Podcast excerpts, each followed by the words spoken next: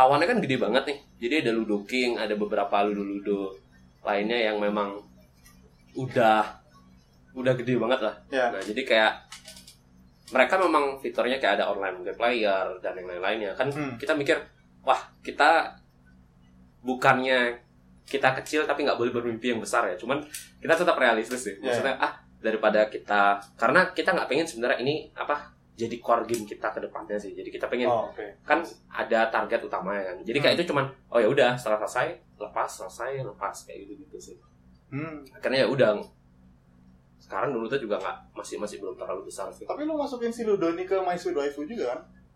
nah itu nanti Di nah waktu ya jadi waktu My Sweet Waifu nanti yang versi fullnya itu kita udah hilangin sih jadi udah Hmm, nggak ada oke. mini game dan emang pure fokusnya tuh ke chat sih gitu. Oh, chat oke. sama visual novelnya itu jadi kayak Hmm. Kita ada fitur baru yang lagi kita kerjain yang lagi kita mau finishin sih jadi kayak uh, ada visual novel editornya Hmm. jadi kayak siapa aja bisa bikin apa visual novel di dalam itu kayak gitu Mirip ini ya, apa sih? Stories something-something yang di mobile itu. Tau gak? hmm nggak tahu apa ya Ada, ada, ada nama game gue lupa. Stories apa gitu. Choose Oh. your own path something. Ya, oh ya banyak banyak sih di mobile kayak gitu banyak, banyak kan? Hmm. cuman dia ya visual novel yang apa klik klik klik klik klik sebenarnya kita kan fokusnya sebenarnya utamanya sih gini sih waktu kita bikin game itu eh waktu itu kan baru pulang dari apa namanya eh, Samsung Developer Conference tuh Hmm. nah terus waktu itu wah tuh lagi gempar-gemparnya bikin AI AI AI dan yang lain-lainnya kan Hmm, oke. nah yaudah deh kita coba ngulik bikin kayak gitu kan Hmm. kita bikin chatbot deh yang paling simpel ya udah kita bikin chatbot terus wah nanggung nih daripada cuman sekedar jadi kasaran prototype gimana kalau kita jadi in game aja. Hmm. cuma dengan target kayak eh, dalam waktu tiga bulan itu pokoknya eh, gini sih sebenarnya. Dalam waktu enam bulan nggak boleh lebih dari enam bulan sih developmentnya. Jadi emang Hmm. developmentnya cuma sampai enam bulan. Mau jadinya seberapa? Yang penting dipolisin di satu fitur eh sorry di fitur-fitur intinya. Hmm. dan ya udah publish saja. Nah terus kita coba riset eh, kan kita baru pertama kalinya juga kan masuk Steam Ya. jadi kita juga sebenarnya pengen tahu sih Steam tuh apa cara mempublish gamenya itu kayak gimana oh Hmm, ternyata oke. untuk orang indie itu ada stepnya harus gini harus gini harus gini beda kalau misalnya kita pakai publisher atau apa Hmm.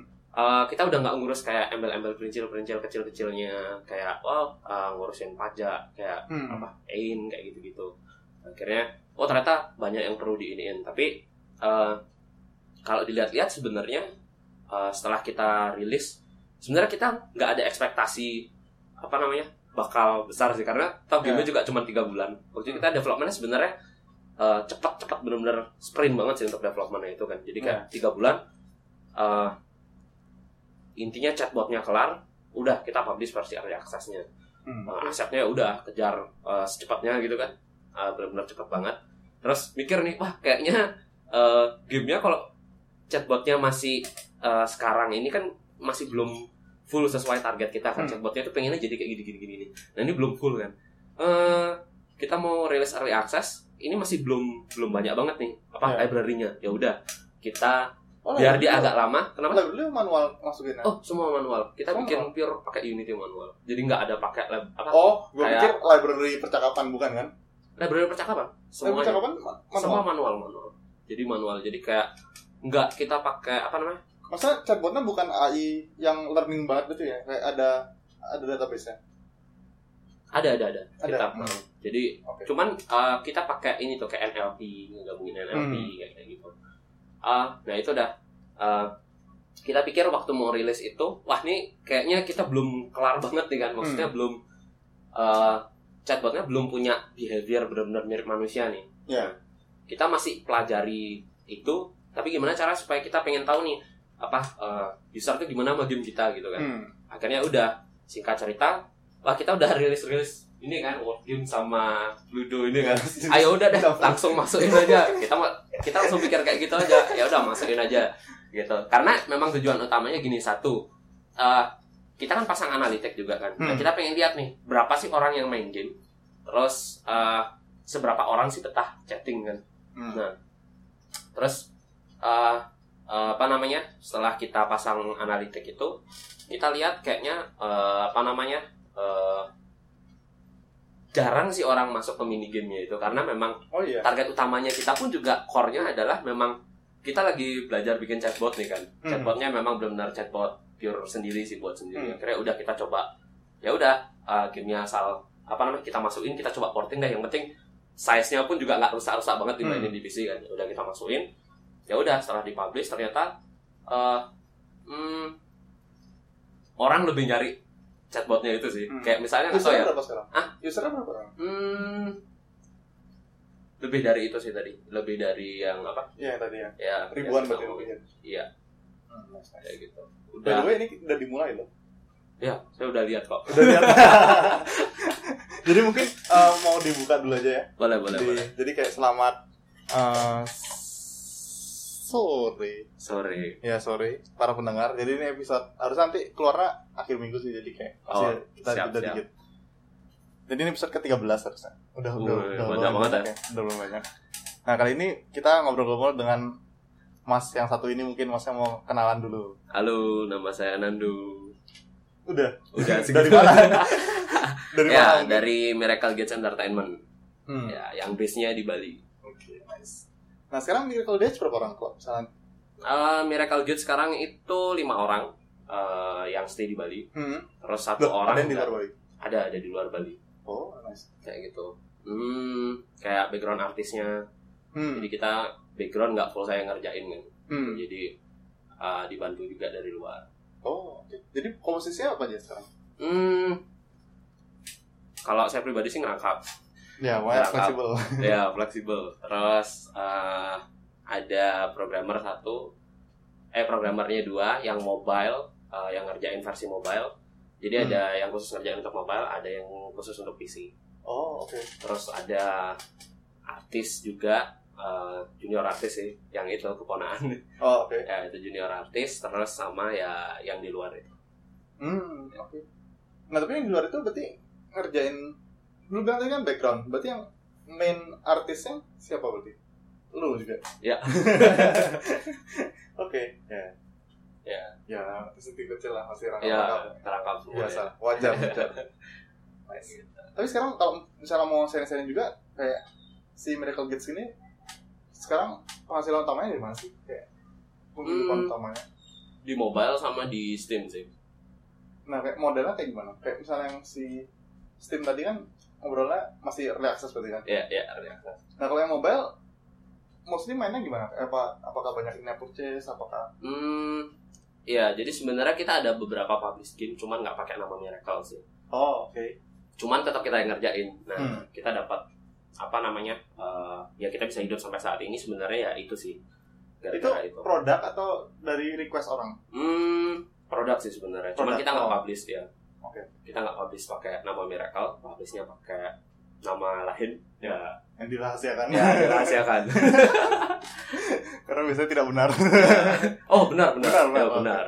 Kadang-kadang Jangan yang tidak, yang tidak benar. karena ada yang apa sih nawar-nawarin kayak kemarin ada project masuk kayak bikin game judi-judi gitu kan kayak Oh ya banyak banyak banyak banyak yang kayak gitu sih nawarin game judi terus game dewasa lu handle kayak gitu enggak enggak enggak enggak atau Syukur lu ya, bilangnya enggak Hah? lu bilang enggak tapi enggak beneran enggak. beneran. Beneran beneran enggak Hmm, beneran enggak jadi emang ya gamenya yang game game positif kok. Hmm, oke. Nice ya. Iya. Berarti penghasilan utama mostly kalau misalnya di, bisa dibilang kayak si Miracle Gates sendiri kalau misalnya pakai yang brand Miracle Gates itu Ah. belum banyak yang masih rasa. hmm, enggak terlalu sih. Lebih dari Steam gamenya itu sih. Steam game Steam game ya syukurnya sih kita ngerilis early access tuh udah cukup balik modal karena kan ya itu tadi sempat cerita kan developmentnya nih sampai sekarang nah sebenarnya sampai bulan akhir bulan Juni ini itu udah rangkap 6 bulan sih jadi kita Oh. udah enam bulan uh, per Proses. bulan ini akhir bulan ini beneran dia bukan rilis Februari ya? Maret Maret ya? rilisnya Maret rilisnya Maret Maret Hmm. April Mei Juni nah udah tiga bulan kan Hmm, dari oke. Maret ya jadi uh, sebenarnya developmentnya enam bulan tuh akhir akhir bulan ini kita kelar sih jadi udah ya syukurnya sih kan kita waktu ngedevelop projectnya itu kan kita mikirin juga budget developmentnya kan Hmm. wah enam bulan nih uh, costnya berapa nih terus akhirnya setelah uh, apa namanya uh, kita coba rilis uh, early access-nya Hmm. uh, ya syukurnya sih cost sebelum enam bulan itu udah udah udah ya udah cukup positif sih Hmm.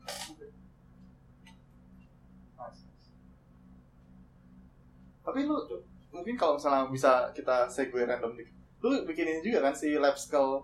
ah iya iya lab skull cuman uh, itu masih belum belum running sih sebenarnya Hmm. itu itu cuman nah, karena kan kita pikir gini waktu itu kita sempat ikut Kickstarter Hmm. Uh, kita sempat ikut Kickstarter dan kita nggak funded Hmm. di Oke. Kickstarter itu. Nah, cuman banyak hal positif yang kita bisa ambil itu uh, entah uh, nggak tahu ya. Semenjak kita ikut Kickstarter itu kan di Bali sebenarnya game developer dikit banget kan. Iya. Nah, semenjak kita ikut Kickstarter meskipun nggak funded tapi ada banyak orang atau publisher itu yang kontak kontak melalui Kickstarter itu oh kita lihat nih game di Kickstarter Hmm. uh, kebetulan kita mau mam- mampir ke Bali mau main ke Bali Nah, Oh, terus nice. nice. eh ya itu eh, akhirnya banyak banyak dapat koneksi juga dari sana kan terus akhirnya eh, tapi nggak cuman hal positifnya juga kita dapat hal negatifnya tuh kayak eh, apa namanya namanya tuh agak kurang ketika kita publish cuman asalkan langsung nama Miracle itu agak kurang bagus sih maksudnya karena kita sempat nggak funded dan kita nggak mau untuk melanjutin kayak oh buat campaign yang kedua kalinya jadi ada sedikit kayak apa ya hmm, namanya jadi agak kurang bagus gitu lah di mata Kalau nggak funded ada stigma kayak gitu juga. Ah enggak enggak enggak sebenarnya. Cuman ada beberapa orang-orang yang kontak-kontak sih yang kayak kayak gitu sih. Jadi kayak akhirnya ya udah deh kita coba publishnya paling aman cara paling simpel adalah kita publish pakai nama lain. Dan Hmm. kita pikirin ya udah publish pakai nama lain dan kita kepikiran nih, wah uh, uh, Lab nih dan uh, apa namanya Lab Skull nih kayaknya uh, bakal jadi kita pengen jadi Lab Skull nih jadi game publisher sih sebenarnya. Cuman ya kita kan masih sedikit dan minim banget sih pengetahuan tentang itu kan. Akhirnya uh, ya udah kita coba hold dulu deh Hmm, kita oke. coba uh, sabar deh antaran dulu deh nantian dulu kita fokus aja ke beberapa game yang bakal kita rilis ke depan ini dulu gitu. Tapi bukannya si ini si Celestial Tales dulu tuh pertama kan gagal juga kan yang campaign yang pertama itu Iya, itu iya. kan dapat dapat juga kayak Iya iya iya. gue baru tahu kalau misalnya ada Hmm. stigma buruk untuk Sebenarnya sebenarnya itu lebih kayak ke apa ya ke personal mungkin ke personal kita sih ya. Jadi kayak apa namanya? Hmm, nggak mau ya, Eh, nggak tahu juga ya. Mungkin kayak ada beban mental yang eh, jangan deh, jangan publish ke nama Miracle dulu gitu. Maksudnya, wah publishernya namanya Miracle. Ya, kayak eh, jangan dulu deh, kita lebih baik pakai nama lain dulu. Kira udah kita bikin satu nama aja, udah namanya Lab Skull.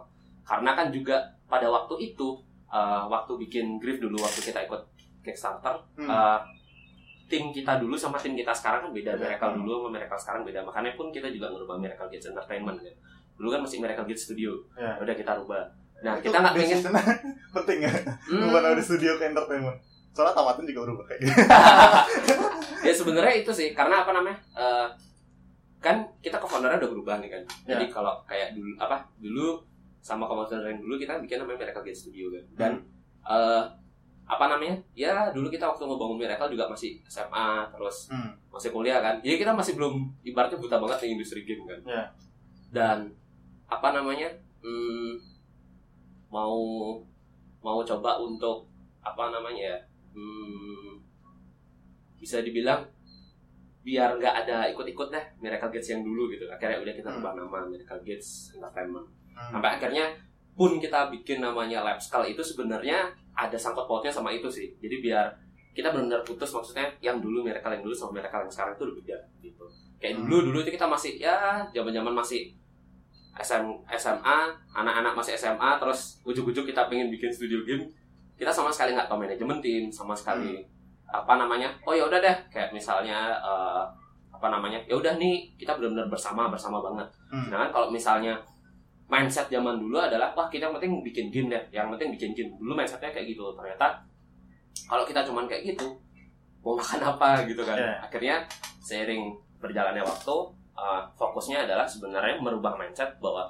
ketika kita bikin game itu kita nggak cuma sekedar bikin mahakarya kalau dulu konsep kita adalah bikin game itu kayak bikin mahakarya gitu jadi Hmm. kayak wah game itu banyak banget komponennya lah tapi sekarang memang benar-benar bikin game itu ya kamu harus bisa makan dari apa yang kamu bikin sih Hmm.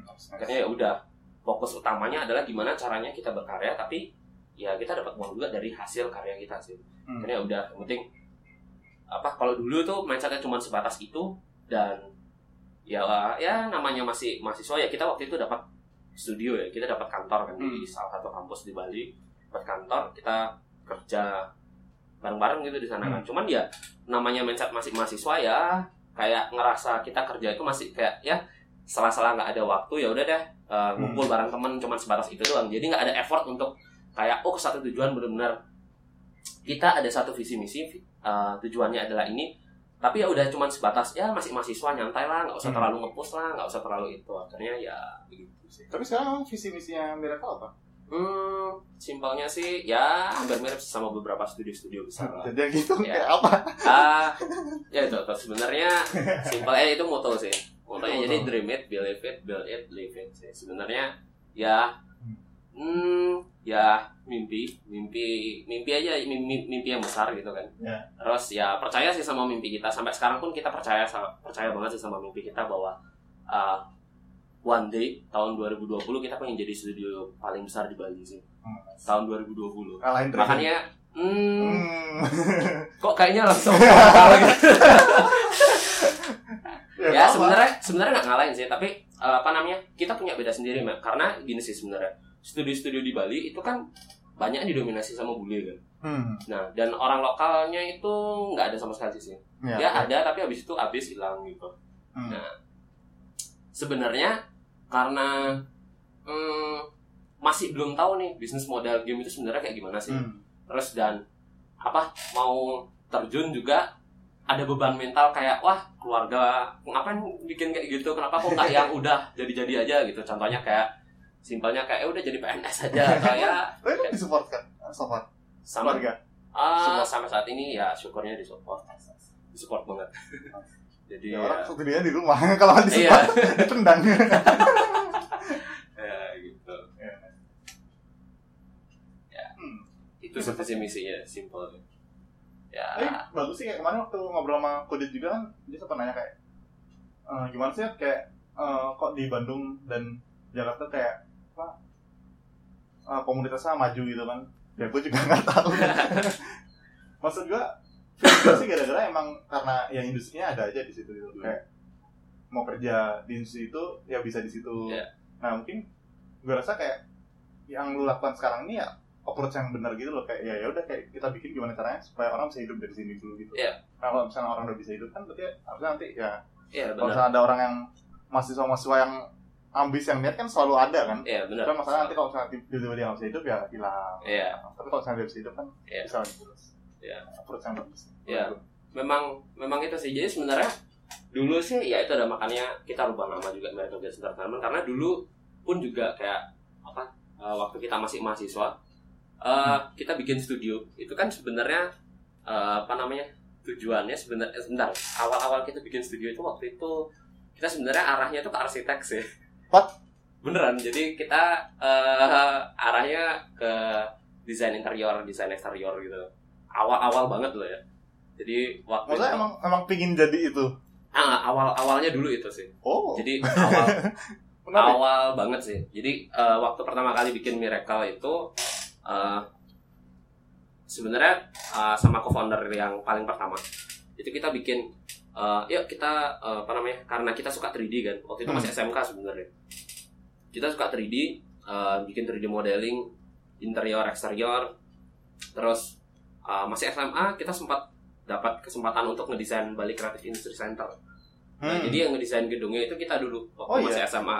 Oh, jadi masih nice. SMA kita udah bikin itu kan. Wah, itu dengan harapan wah kita pengen apa namanya? eh, pengen melakukan hal yang lebih besar lagi nih gitu kan. Pengen Tapi itu bikin dipakai akhirnya desain final. di ya beberapa dipakai, beberapa enggak. Jadi hampir 45% sih dipakai. Oh, nice nice. Ya, jadi kayak kalau ke sana kan tuh kubikel-kubikel kubikelnya Iya. itu. Nah, sebenarnya konsep desainnya kayak gitu. Cuman ya 60%-nya enggak. ya karena waktu itu dibilangnya kan gini eh, mereka pengen desain desain gedungnya itu mirip kayak Google kan Hmm, oke. wah Google jadi kayak itu eh, orang perindustrian lah dinas perindustrian. Nah dia pengen desainnya waktu itu kayak Google. Terus kita ditawarin sama Bambu Media untuk apa waktu itu kita masih magang di Bambu Media. Hmm. ditawarin untuk ngedi apa namanya ngedesain 3D gitu kan. Wah ngedesain 3D BCIC eh, mau atau enggak tapi konsepnya miripin kayak Google. Oh ya udah. Ah, karena waktu itu orang dinas perindustriannya dia baru pulang dari Google atau gimana gitu Terus kayak jadi kayak terinspirasi banget sama Google gitu ya kayak lagi panas. Panas-panas banget oh pengen nih harus bikin ini di Bali Nah, akhirnya. Oke. Ya. Pengen bikin ini di Bali Hmm. gitu kan. Nah, akhirnya eh ya udah kita konsepin desainnya kan ah, lantai dua terus apa namanya dari lantai dua ke lantai bawah kalau kita mau turun itu pakai apa namanya selorotan prosotan itu nggak ada ya dan itu nggak ada tapi ya biliar itu ada Hmm. terus beberapa hiburan-hiburan lainnya itu ada tapi akhirnya kepake nggak sih yang gedung yang itu kan belum pakai kan dulu yang lantai satunya oh kalau lantai satu sih emang nggak pakai sih itu Oh, emang oke. aula untuk kalau bikin-bikin acara oh oke Nah, lantai tiga, lantai duanya yang memang untuk kayak ya startup startup hmm. produksi animasi gitu. hmm. oke nice nice ya gitu sih jadi waktu itu semenjak dapat project itu wah kita bikin ini aja deh bikin apa namanya eh, fokus ke arsitektur arsitektur gitu. Karena emang Hmm. pada waktu itu sih kita ngerasa jago banget sih 3D gitu kan. Wah jago banget. Rendering itu apa namanya intinya rendering arsitektur itu kita oke banget pada zaman Oke. itu. Itu tahun 2013 nice. Ya cuman ya namanya kita masih SMK kita nggak tahu sama sekali gimana cara ngejual gambar kita sih. Hmm. Nah, biasanya kita lihat nih kita eh, beberapa ikut beberapa forum di Facebook.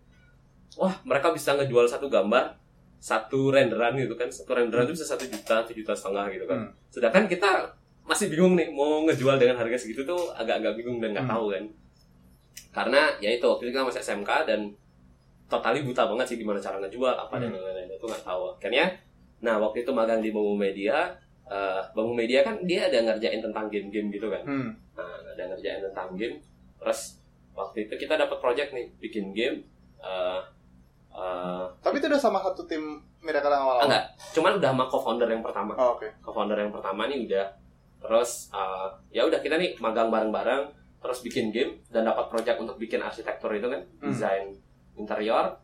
Dan gara-gara waktu itu disuruh bikin waktu magang sekaligus dibikin disuruh bikin game hmm. akhirnya mulai tahu nih tentang industri game kan. Oke. Cari-cari lah nih apa namanya game-game engine gitu. Wah ternyata ada orang bikin arsitektur tapi pakai game engine gitu kan rendernya tuh uh, real time gitu kan. Wah tertarik banget nih. Waktu itu uh, pakai CryEngine jadi waktu Oh, itu ada iya. orang pakai CryEngine pada terus waktu lu beli kerennya enggak enggak. Waktu itu ada CryEngine sama UDK zamannya masih UDK Hmm. belum Unreal kan. Iya. akhirnya wah ini keren banget nih renderingnya real time tanpa render nunggu lama-lama Hmm. kan. Ya udah akhirnya semenjak itu ah kita pengen nih desain arsitektur kita nih kita bawa ke game engine biar kualitasnya persis kayak renderingnya itu kan. Hmm. karena renderan real time-nya tuh jauh lebih bagus ketimbang renderan kita gitu kan. Ya jadinya wah pengen banget nih belajar game engine ini kan. Karena belajar game engine eh install game engine Unreal baru bikin box itu beratnya luar biasa. Gue bikin gue box. baru nyoba lo Unreal kapan tahu? Kayak game-game terus kayak anjir berat juga ternyata ginian berat berat. Berat berat. Waktu itu kita pakai laptop lama lah laptop eh, agak lamaan Hmm. nah kita nginstal U- eh, UDK kan dulu namanya UDK Eh, eh, nginstal UDK kita baru buat box sama ada default template air gitu kan Hmm. Itu udah beratnya kayak 15 fps gitu. Mau gerak kanan kiri berat banget kan. Wah ini gimana caranya kita masukin desain interior kita kan? Iya. akhirnya wah nggak bisa nih. Akhirnya setelah itu nyoba pakai CryEngine jadi waktu itu CryEngine masih open source tuh juga. Oh iya open dulu, source. dulu tuh sempat open source juga. Oh. jadi dapat. CryEngine cuman kita mesti masukin email masukin apa gitu. Hmm, harus daftar ya. harus daftar. Nah, akhirnya kita coba CryEngine tambah berat lagi kan. Wah kacau nih. Akhirnya kedua-duanya ini nggak kepake akhirnya waktu itu pas magang eh, kita dikenalin sama Corona engine Hmm. Corona itu Itu mobile bukan ya? mobile Hmm. jadi itu buat game tapi dua dimensi kan Hmm. cuman kok kayaknya nggak serak banget ya sama kualitasnya gitu kan Iya. akhirnya coba cari coba cari lagi kenal sama si Unity Itu tahun?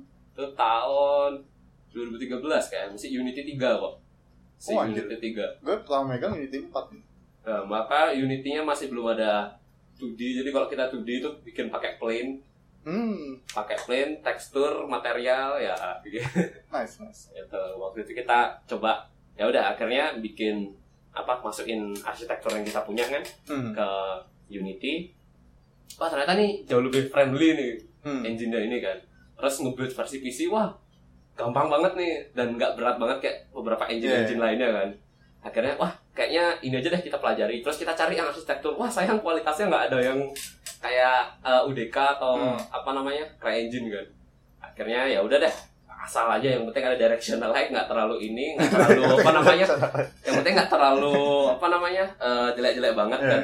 Eh, materialnya pakai default default material akhirnya udah kita bikin arsitektur waktu itu yang Hmm. BCIC-nya itu kita bikin versi uh, Unity-nya gitu. Oh. Waktu itu dilihat sama uh, yang punya Bomo Media wah bisa gini ya gitu kalian kok bisa bikin gini asik akhirnya dari itu wah kayaknya nih kita coba bikin game aja deh bikin, bikin game 3D semenjak bikin itu karena kan Hmm, ada oke. default third person-nya kalau nggak salah dulu Hmm. Unity ada default third person kan Jadi gampang ya. Gampang banget kan? Iya. tinggal oh kita udah bisa explore nih kan nah jadi waktu kita bikin desain Bali Creative Industry Center uh, bisa desain jalan-jalan juga. udah bisa jalan-jalan Oh, gitu jadi pitch-nya enak ya. ah jadi pitch-nya enak gitu oh ini eh, gini ya jadi ada ada kelebihan lah wah eh, keren nih akhirnya kita ngerasa wah kayak bikin game 3D gampang banget tuh gitu kan Hmm. pakai Unity nih ya udah yuk kita bikin studio game gitu kita Hmm. bikin studio game eh, kita coba rekrut teman-teman nih waktu dulu eh, bikin apa namanya game pertama itu kita pengen bikin game 3D gitu Hmm. bikin game 3D eh, apa namanya eh, mimpinya sih pengennya ngalah-ngalahin Mass Effect waktu itu Hmm. ternyata buset ya biasalah namanya game developer game developer pertama kan pasti mimpinya gede Ambisius. banget terus ternyata setelah tahu realita Hmm. ya kayak gitu akhirnya ya udah kita bikin game 3D kita bikin game 3D abis itu eh, kita hire nih gaya-gayaan waktu masih SMA hire. Ayo siapa yang mau ikut jadi tim nih? Gitu Hmm. kan. Tapi tertarik kita satu nggak bisa coding. Kita cuman oke secara 3D kita jago sculpting pakai zebras dan lain-lain itu kita jago. Waktu itu ngerasa jago sih. Masih Ngerasa- ya. Ah, masih masih masih ya idealisme banget lah. Akhirnya ya udah kita bikin bikin bikin game 3D wah nge-hire 10 orang teman-teman SMK nih. Ayo nih jadi jadi satu tim dengan mindset adalah dulu mindsetnya gini wah asalkan kamu bisa art kamu tuh bisa segalanya Wah, Hmm. kamu bisa bikin bikin apa namanya eh, 3D karakter bikin apa cuman defaultnya adalah ketika kamu bisa art kan ibaratnya otak kanan nih bagus lah gitu Hmm. apa namanya mau ke segala hal itu bisa nge-explore akhirnya hire wah uh, tradisional artis nih semua pada gambar versi kertas kan Hmm. versi kertas oh konsepnya udah banyak banget nih environment udah ada karakter Hmm. udah ada oke karakternya udah ada kita bikin nih 3D karakternya 3D karakternya udah kita bikin nih Hmm. menurut kita sih keren ya Ya. menurut kita pada waktu itu keren banget karena kita Kalau desainnya lihat lagi gimana? sampai sekarang sih masih keren Oh, rasanya sih masih keren Nah, akhirnya eh, wah kita pengen nih akhirnya optimis nih pengen bikin game 3D ya udah Hmm.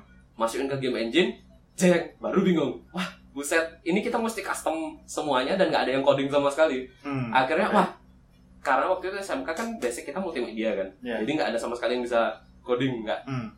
karena emang nggak ada yang belajar coding sama sekali kan akhirnya wah eh, ini nggak ada programmer sama sekali terus kita juga gini ini game tuh ada animasi sedangkan karakter kita cuma tipus gitu dan nggak ada animasi kan masa iya kita masukin ke dalam game apa namanya nggak ada animasinya kan Oh, bisa kayak siapa everything gitu di diputar-putar. oh ada ya tahu gak sih lu game everything? Eh, Hah? nggak tahu Enggak tahu yang binatang-binatang lu terus kayak dia cuma di rolling-rolling doang. Oh nggak Wah, tahu nanti lihat lihat. Oh, ya itu. Eh, akhirnya nggak ada yang nggak nggak ada yang animasiin 3D-nya keren environment pun juga kita udah bikin desainnya. Terus akhirnya eh, apa namanya belajar coding. Wah pertama kali belajar coding eh, apa namanya kita udah optimis banget nih. Wah pokoknya kita harus jadiin game ini dan eh, jangan bikin game dua dimensi deh waktu itu beneran. Kita nggak mau bikin game dua dimensi. Pokoknya Elitis. anti anti banget loh gitu kan. Gaya lah idealisme banget. Terus waktu itu ngelihat eh, orang Bandung ada bikin game nih Jurik Escape namanya. Sekarang jadi Dread Out. Oh, oke. nah jadi dulu namanya Jurik Escape kan. Hmm. wah nih keren banget nih. Apa namanya? Ada game 3D nih. Wah kayaknya kita mesti banyak belajar sama dia nih cara Hmm. bikin game 3D Eh, akhirnya kita coba belajar nih bikin game 3D Eh, terus mau tanya sama Fandi Fanadi kalau nggak salah ya Padri. Dayadi. Pak, iya hmm, nggak tahu sih namanya Conspir. ah bukan bukan Eh, ini programmernya Dread Out Oh, enggak enggak. Oh. ya waktu itu pas masih dia bikin Jurik Escape kalau nggak salah Hmm. Nah, lihat nama programmernya siapa kan cari di Facebook akhirnya. wah, cari di Facebook terus eh, wah ini ternyata projectnya project udah lama kita doang yang baru tahu kan. Wah, Hmm. kita pengen banget nih bikin kayak gini. Ya udah, kita coba bikin third person. Kita coba bikin game 3D dulu nih basic belajar coding. Pusat namanya kita bukan orang programmer. Hmm. Waktu kita belajar coding itu mual-mual banget. Hmm. Jadi, wah, belajar coding ini kayak bukan passion saya gitu. Tapi Apaan nih? akhirnya lu sampai sekarang juga belajar belajar sendiri kan atau? Ah iya iya iya. Hmm. akhirnya ya udah waktu ngeliat coding tuh susah banget kan nyuruh nih teman-teman ayo siapa yang mau belajar coding Lempar tanggung jawab. iya lempar tanggung jawab Eh, siapa yang mau belajar coding di antara 10 orang ini? Ah, habis itu setelah lempar tanggung jawab nggak ada yang mau coding sama sekali kan. Buset, akhirnya ya udah eh, mau mau mesti belajar kan. Ya Hmm. udah deh, eh, cobain waktu untuk belajar. Dan itu pertama kali belajar benar-benar mual-mual banget sih. Kayak Hmm. wah, coding nih apa-apaan sih? Kok ada Hmm. vektor, ada ini ini dan lain-lain. Karena emang akhirnya ya udah eh, karena emang nggak punya basic sama sekali, nonton tutorial di YouTube. Waktu Hmm. itu zamannya game Flappy Bird. Hmm, Nah, oke. game Flappy Bird, ya udah deh, kita coba dari yang pertama kita ngomong kita nggak mau bikin game dua dimensi, kita udah ngeludah ter terlanjur ngeludah, akhirnya belajar game Flappy Bird, bikin game dua dimensi. akhirnya udah kita jilat lagi, udah kita, nah ibaratnya kasarannya kayak gitu. Hmm. Akhirnya udah kita bikin game game dua dimensi, akhirnya jadilah game dua dimensi waktu itu Flappy Bird Adventure of Jala itu. Hmm. Nah itu waktu SMK akhirnya udah Ah, emang itu. Flappy Bird itu pernah ini ya platformer deh si Adventure of Jalan Ah, Adventure of Jala iya awalnya nanti deh saya kasih tahu screenshot atau mau kasih screenshot ya. boleh boleh Jadi bentar ya. oh ganti genre ya Ah, awalnya sih coba yang YouTube. Awalnya sih sebenarnya Flappy Bird. Jadi di oh justru dari Flappy Bird dulu baru jadi platformer Iya. oh ya awalnya tuh Flappy Bird dulu eh, Adventure of Jara. Nah ini. Tapi ini udah lebih bagus sih. Sebelumnya jauh lebih jelek. wah logonya kenapa gini Nah, itu logo pertama.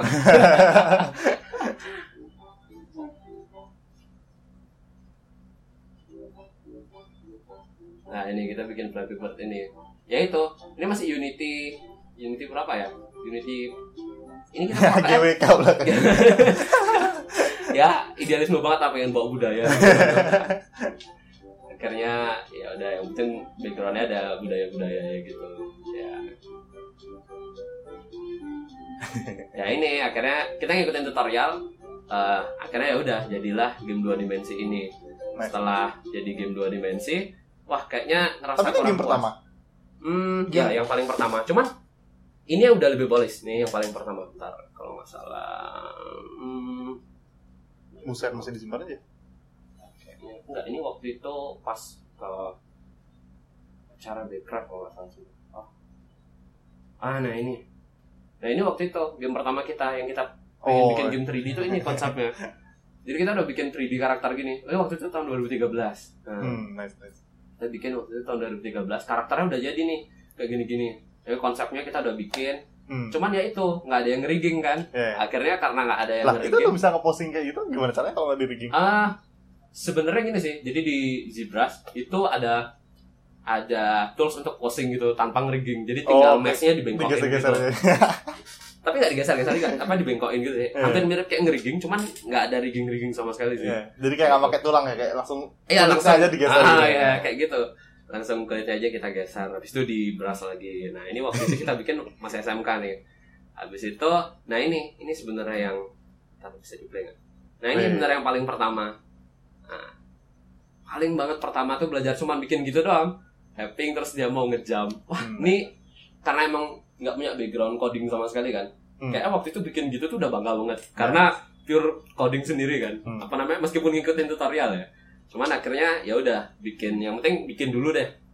Kita pengen pengen apa tujuannya adalah bikin game dan gamenya jadi dulu. Hmm. Akhirnya udah eh, jadinya kayak gini habis itu eh, kita coba masukin ke iOS waktu itu masukin ke handphone iOS Hmm. Eh, kita coba build waktu itu beli akun Google Developer eh sorry akun Apple Developer kan Hmm. kita coba terus kita masukin ke iOS wah ternyata keren banget nih gitu padahal ya cuma tapping tapping nggak ada eh, apa namanya sama sekali yang lewat-lewat Hmm. apa kayak rintangan-rintangan obstacle tuh sama sekali belum ada.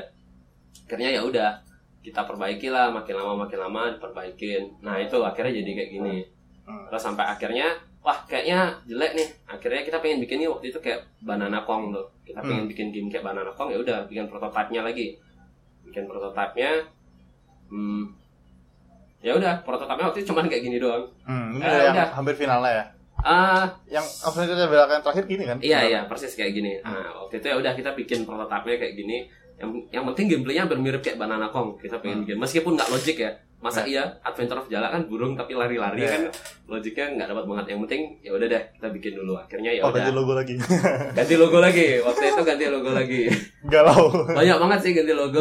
Akhirnya ya udah kita bikinlah ini gitu. Sampai akhirnya ya uh, lambat laun belajar belajar belajar belajar bikinlah uh, apa namanya masih project idealisme. Ya ini grip ini waktu itu. Tapi berarti sekarang kalau misalnya mau dibilang project idealismenya Miracle yang paling dekat tuh Bang Griff? Atau Eh, apa nih yang sedang dikerjakan atau? yang pingin? Oh yang Jangka- sebenarnya ya pendek. semacam Griff gitu sih. ya kita pengen banget sih ngelanjutin grip cuman ya itu. Ah resource-nya juga kita nyari di Bali pun juga masih susah kan. Jadi Hmm. kenapa eh, apa namanya misi kita juga nge-build talent itu sebenarnya itu jadi kayak sebenarnya kayak salah satu programmer kita eh, itu dia buta juga waktu pertama kali apa namanya belajar coding Hmm. jadi di sini waktu itu nge-hire yang kita hire sebenarnya apa namanya eh, kamu mau belajar Hmm. dan kamu nggak bisa bikin apa eh, game pakai Unity pun nggak apa-apa cuman yang penting kamu mau belajar bikin game. Dan eh, apa namanya eh, jangan ngeluh jangan banyak ngeluh Hmm. kan akhirnya ya udah eh, kita coba build talent sih waktu itu. Ngetes doang sih nge-build talent. Akhirnya kita build latihan selama tiga bulan development development. Akhirnya sekarang ya kualitasnya udah bagus gitu. Maksudnya Oh, codingnya pun juga udah oke kayak gitu gitu Tapi Ya. sekarang sistem itu waktu lu nge-hire-nya sistemnya ada gajian gitu. udah udah Udah, nice. kan unik ya kita nggak gaji orang tapi orangnya nggak bisa apa-apa dan Hmm. belajar Hmm. tapi ya memang tujuan utamanya adalah itu karena gini satu di Bali untuk nyari talent yang memang kualitinya bagus itu nggak gampang Hmm. jadi salah satunya adalah sampai kita pikiran wah kita pengen nih kan kita nih kerja hari Senin sampai Jumat doang kan Iya. dan Sabtu itu siapa yang mau belajar tentang art tentang coding itu bisa ke sini gratis kita pengen Oh, rame nggak? belum belum belum Oh, belum. Nah, kita pengen kayak gitu karena Hmm. apa kita ngerasa satu apa ya mungkin kita nggak pintar-pintar banget cuman Hmm. kalau nggak ada yang memulai ya siapa kan gitu Iya. akhirnya Nice. kalau misalnya teman-teman apa namanya kita mengharapkan wah ada satu yang jago yang pasti mereka pun juga punya idealisme yang berbeda kan Hmm. jadi kayak wah daripada aku kerja di sini lebih baik aku kerja di studio game besar Hmm. atau di di luar kayak gitu. Oke uh, akhirnya kita planning untuk ya itu kita pengen build talent. Kita coba start dari salah satu orang sih. Akhirnya kita coba start dan syukurnya hasilnya ada gitu. Dan sampai saat itu makanya kita percaya kita lagi cari waktu sih sebenarnya untuk ngadain setiap hari Sabtu itu gratis siapa aja yang mau belajar. Hmm. belajar coding belajar art gitu. Karena untuk itu sih plannya adalah satu ketika kita mau pengen bikin game besar kayak maksudnya kalau menurut saya pribadi Griff ini cukup besar sih planningnya Hmm. kalau maksudnya kalau memang mau diseriusin ini benar-benar game yang besar jadinya karena Hmm. emang idealismenya pun juga besar kan Ya. jadinya akhirnya eh, kita pikirin talent di Bali masih belum siap dan kita mesti mau nggak mau ya mesti belajar dan mesti ngebangun talent dulu Hmm. di Bali. Akhirnya ya udah kita cari beberapa teman ya syukurnya sih sekarang mulai kebentuk sih kayak kita oh nemu programmer yang cocok untuk handle game apa Hmm. namanya dengan yang cukup berat jadi nggak cuma game asal-asalan kayak ya kalau kayak dulu itu kan online multiplayer kayak gitu gitu maksudnya itu Hmm. masih apa ya middle ke bawah lah jadi Hmm. kalau misalnya kelasnya proyeknya yang udah agak-agak berat nah itu kan ah, beda akhirnya ya Hmm. udah pengen pengen banget kita ngelanjutin Griff ini. cuman ya itu kita mesti cari talent. juga kan masalah Tapi menarik akhirnya sih kalau misalnya lu mau bikin latihan, kayak gue kan sempat bikin juga yang di Bandung kan. Tapi kalau misalnya durasinya pendek, misalnya cuma sehari dua hari, efektif nggak ya? Kayak, sebenarnya efektif nggak efektifnya itu tergantung cara kita sih kayaknya hmm. jadi kayak oh mungkin eh, sehari ini kita kasih eh, materi yang baru dan dia pun awam nggak nggak nggak pernah eh, mempelajari materi itu misalnya Hmm. sekalipun dia programmer Eh, tapi kayak oh hmm, apa minggu depan waktu kita mau ketemu harus ngelarin apa namanya Oh, berarti ada kurikulumnya kan, kelanjutan kan, nggak cuma Ya. satu minggu beres kan? ya atau atau mungkin explore yang sebelumnya udah kita bahas kayak Hmm. gitu sih Ya. mungkin itu lebih efektif sih mungkin ya Ya, itu harusnya gitu sih. Ya. iya harusnya sih kayak gitu Kan gue bikin tiga hari gitu Hmm. jadinya. Kayak misalnya ya hari pertama belajar apa dulu, so next hari kedua lanjutin lagi belajar apa. Jadi kayak tapi kalau di, di camp satu hari doang kayak susah sih. ya ya memang memang memang, memang susah cuman kalau misalnya kalau kita sih sebenarnya kan karena kita pengennya hari Sabtu kan. Otomatis kan per setiap Sabtu pasti ada kan. Ya, nice. jadi kalau misalnya kita cuman eh, sekali doang habis itu eh, tiga bulan lagi atau dua bulan lagi ya kayaknya sih nggak bagus ya apa hasilnya pun juga nggak ada kan. Mungkin ada satu yang memang mereka punya passion dan mimpi besar. Wah aku pengen banget pelajari hal ini. Dia Hmm. bakal nerusin. Tapi kalau yang cuman sekedar oh pengen tahu dan ya udah cuman mengisi waktu kekosongan mereka kayaknya ya udah cuman sebentar habis itu pergi sih. Biasanya kayak gitu. Hmm. Dari beberapa yang udah pernah kita coba sih. Jadi kayak apa uh, beberapa kesempatan workshop Samsung yang pernah kita coba itu kayak gitu sih. Ada yang memang dia serius sampai sekarang pun masih kontak-kontak melalui apa Oh, iya. WhatsApp kayak gitu gitu Oh, kak ada teknikal ini ini ini. Ada juga yang beberapa memang mereka cuma pengen ikut cuma untuk TA doang. Hmm. ya yang penting biar bisa ngerjain TA kayak kayak gitu. Ya model-model kayak gitu. Tapi ini kita segue segue aja ya kayak eh, lu kan sebenarnya juga di luar game dev kan lu juga handle itu kan kayak Samsung Developer Warrior gitu kan kayak apps juga berarti kan ah sebenarnya nggak apps sih tapi tetap di game kok tetap di Di game. game. Hmm. tetap Oke. di game jadi nggak nggak ke apps apps juga karena emang ah mau ngulik apps juga ah mesti belajar lagi Hmm, oke berarti kayak si itu si Samsung Developer Warrior pun kayak lu fokusnya tetap game. ya Ya, fokus tadi di gue game. bikin nanya kayak lu ngebalance mana sih apps tadi. gitu. oh Oke, ya udah. tetap di game sih Nice, nice. gitu lagi ya? Tapi gue penasaran kayak tadi mungkin berapa kali kan ganti nama, eh ganti logo dan sekarang ganti nama juga kan si Miracle Gates Entertainment ini. Iya. Kayak kalau misalnya ditamatin kan kemarin ada diskusinya sih kayak kenapa kita memilih nama entertainment ketimbang dulu kan tamatin studio, so sempat mikir tamatin games mungkin atau something. oh. Terus kayak biar ada punnya gitu kan tamatin game. ya, ya. Gak lucu banget. nah, kayak lu mempertimbangkan ngambil nama entertainment apa? Kayak apa? Ah, Cuma ya. biar ganti aja tapi atau lu ada Hmm, nah entertainment sih sebenarnya eh yang terkait eh, entertainment tapi nggak lepas dari game ya Hmm. jadi kayak gini eh, sebenarnya eh eh, ya meskipun kita masih belum ada tim banyak tapi Hmm. sekarang tuh kita udah bangun apa namanya eh, bangun target utama sih kayak oh eh, nanti eh, kita pengen bangun apa namanya kayak semacam ada tiga divisi sih jadi kayak ada MR&D Miracle Research and Development Hmm. dia ngurusin ngurusin kayak ya hal-hal teknikal banget dan terus ada Miracle Creative Agency jadi Miracle Gates Entertainment ini ada tiga pilar sih lebih tepatnya Hmm.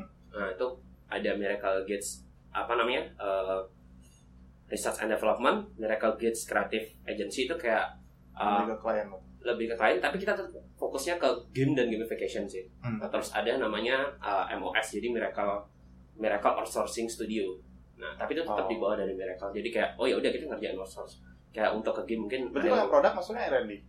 ah ya ya Hmm. kayak gitu nah jadi jadi sebenarnya Miracle Gates Entertainment itu jadi kayak kita oh bisa ke banyak hal sih jadi cuman tetap fokusnya di game sih jadi nggak Hmm. lepas kayak mungkin oh bikin bikin beberapa game untuk event kayak kayak gitu gitu Tapi di antara tiga itu sekarang fokusnya ke mana? Sebenarnya sekarang karena tim kita masih kecil sih ya kita fokusnya ke research and development Ke R&D-nya Jadi ya, ya, jadi kita emang fokusnya ya bikin tools, terus bikin game, produk. Tapi kalau misalnya proyek-proyek kalian udah ngambil lagi gitu sekarang? Hmm, Murni dari total sampai sekarang enggak sih. dari Jadi, kapan? dari dari lama sih sebenarnya, Oh iya, dari lama. Ya, jadi emang dari lama tuh dari kapan? dari kapan ya? Terakhir kita ketemu kapan? Yang di Bandung. Eh, dari Bandung itu ya itu. Oh, dari Jadi, akhir tahun kemarin berarti ya? Oh enggak, enggak, sorry. Uh, Iya, itu kan game prime September tahun lalu. kan? Eh, September. bukan. Game Yang prime yang di Bandung itu GDG itu kayak 2015 deh. Dari Oh, gi- dari 2015. GDG maksudnya? Eh, dari GDG. Itu udah nggak terima klien lagi? Oh, enggak, enggak, enggak. Kita enggak terima klien. 2015? Enggak, 16, 16. eh sorry nerima sih nerima nerima nerima kemarin kita nerima line jadi bikin game HTML 5 line Hmm, oke. sama line kita bikin itu sama si KUB juga Oh, gue. ya KUB bikin game kita juga bikin game terus ada lagi satu studio gitu. Arline Arline Studio. Hmm. nah itu kita bikin game untuk line terus sebelumnya juga kita bikin game untuk eh, apa namanya VR untuk Dubai. Jadi Hmm. bikin kayak virtual city-nya Dubai. Eh, kayak gitu. Sama kita juga kerja sama sama waktu itu sama Luandu Games itu dari Singapura. Jadi bikin, Bikin game FPS itu lebih tepatnya FPS Oh, kita multiplayer kayak gitu oke Eh, ya waktu itu dapat kerjaan untuk kerjaan itu ya udah hmm, nice. cuman apa ya eh, ya udah habis itu kita bikin produk sih guys Hmm. sama ya itu produk yang nggak pakai nama Miracle Hmm. gitu Tarik.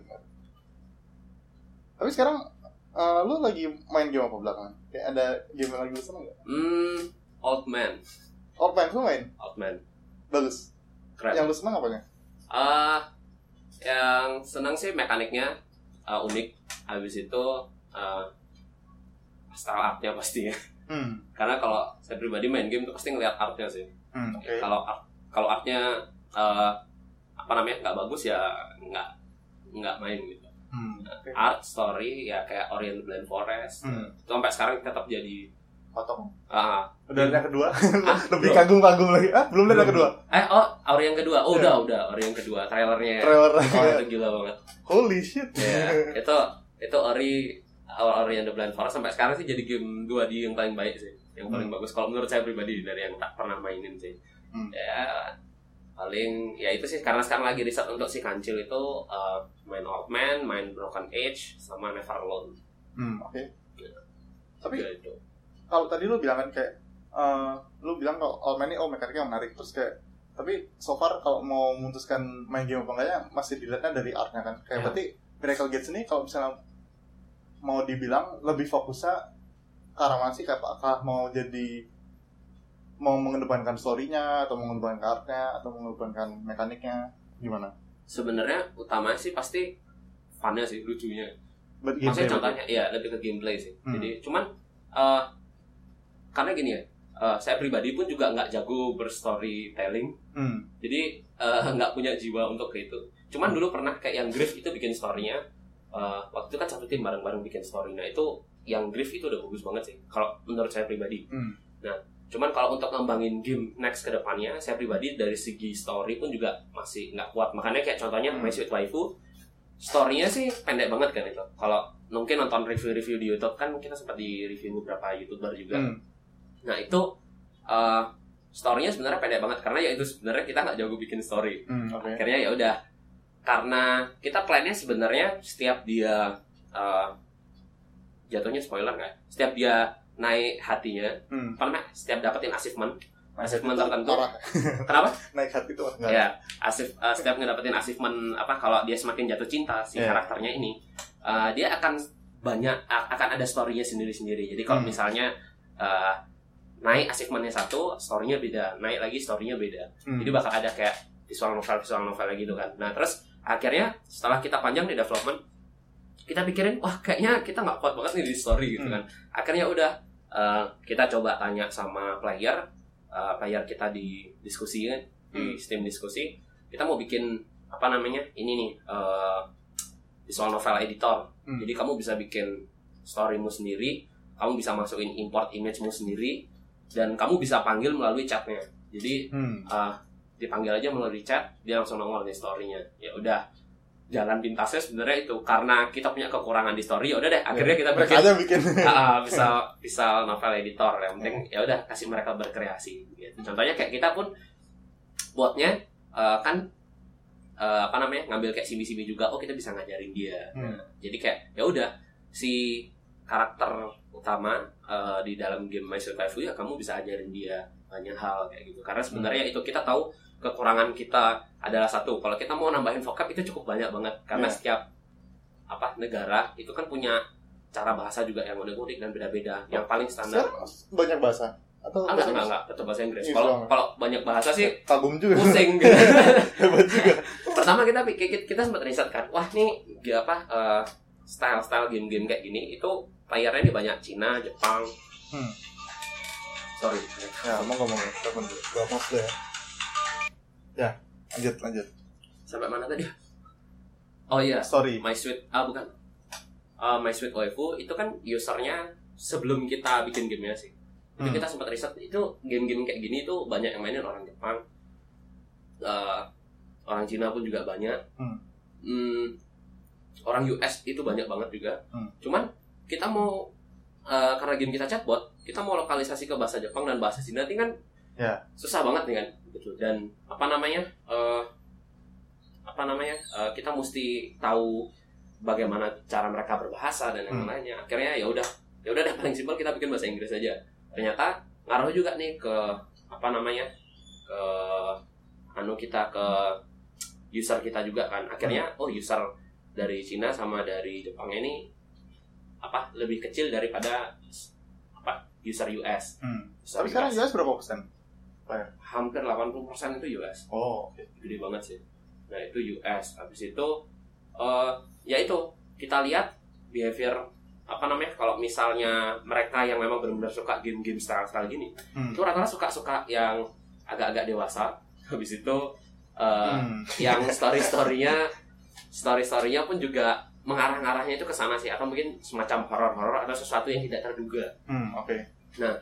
akhirnya ya itu kita pikir wah kayaknya kita story ini lemah banget gitu kan Hmm. Eh, udah deh ambil simpelnya adalah kita fokus bikin chatbotnya pokoknya rilisnya versi chatbot abis itu eh, anunya nggak usah terlalu apa namanya eh, nggak usah terlalu deep banget deh untuk dari segi story dari segi story Ada yang mau keluar? Eh, hujan hujan. Karena kita pun ngerasa nggak kuat di sana ya udah deh. Fokusnya adalah ke chatbot. Chatbotnya yang penting cukup natural. Hmm. dan apa namanya user bisa bereksplorasi apa aja dan kita pun bisa sharing. Kayak misalnya oh punya story bagus. Hmm. apa eh, tinggal copy foldernya aja kasih ke teman eh, ya udah teman bisa mainin itu gitu. Jadi teman bisa panggil chatnya itu juga kayak gitu nah akhirnya udah dah fokusnya ke sana ya udah bikin itu aja ntar kan Hmm. utamanya nanti rilis pun kayak gitu kita ada visual novel editor kayak gitu. Nice.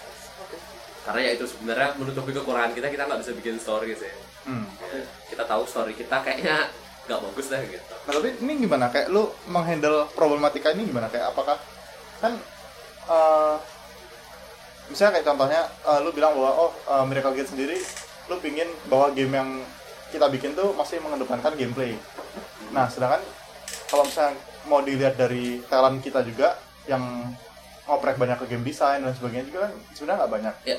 Dan nah ini lu ngehandle ini gimana? Apakah lu kayak tadi kan lu bilang oh sorry kita ternyata nggak ada yang bisa handle terus ya akhirnya kita nggak sana aja kayak apakah lu pingin bener-bener menyelesaikan dari timnya aja kayak nanti ki- kita lihat timnya pada bisa handle apa baru kita ngarahin di situ jadi si mereka sendiri nggak ada tujuannya sebenarnya atau mau lu ya udah kayak lu ngebentuk tim ini supaya bisa ke arah tujuan yang lu pingin si mereka Eh, totali sebenarnya sih ya kalau Hmm. yang My Sweet Waifu itu sebenarnya awalnya kita bikin itu sebenarnya tujuan utamanya kita pengen tes Steam tuh kayak gimana sih hmm karena ya itu kita nggak pernah masuk Steam Ya. akhirnya ya udah setelah kita rilis early access oh ternyata yang suka apa yang mainin gamenya itu banyak banget gitu Hmm. kan bahkan setelah rilis eh tiga hari udah ada yang ngebaca. Ternyata dari statistik player yang ngebaca itu jauh lebih banyak ketimbang Oh yang iya? ngebeli. Oh. Jadi itu kaget juga kan. Kita setelah lihat statistik itu wah berarti sebenarnya orang yang suka main game kayak gini karena memang mereka pun bisa mengeksplor apa saja di sana. Hmm. contohnya kayak apa di setiap apa game kita di setiap button itu kita punya action apa ke analitik kan. Hmm. jadi kita tahu nih.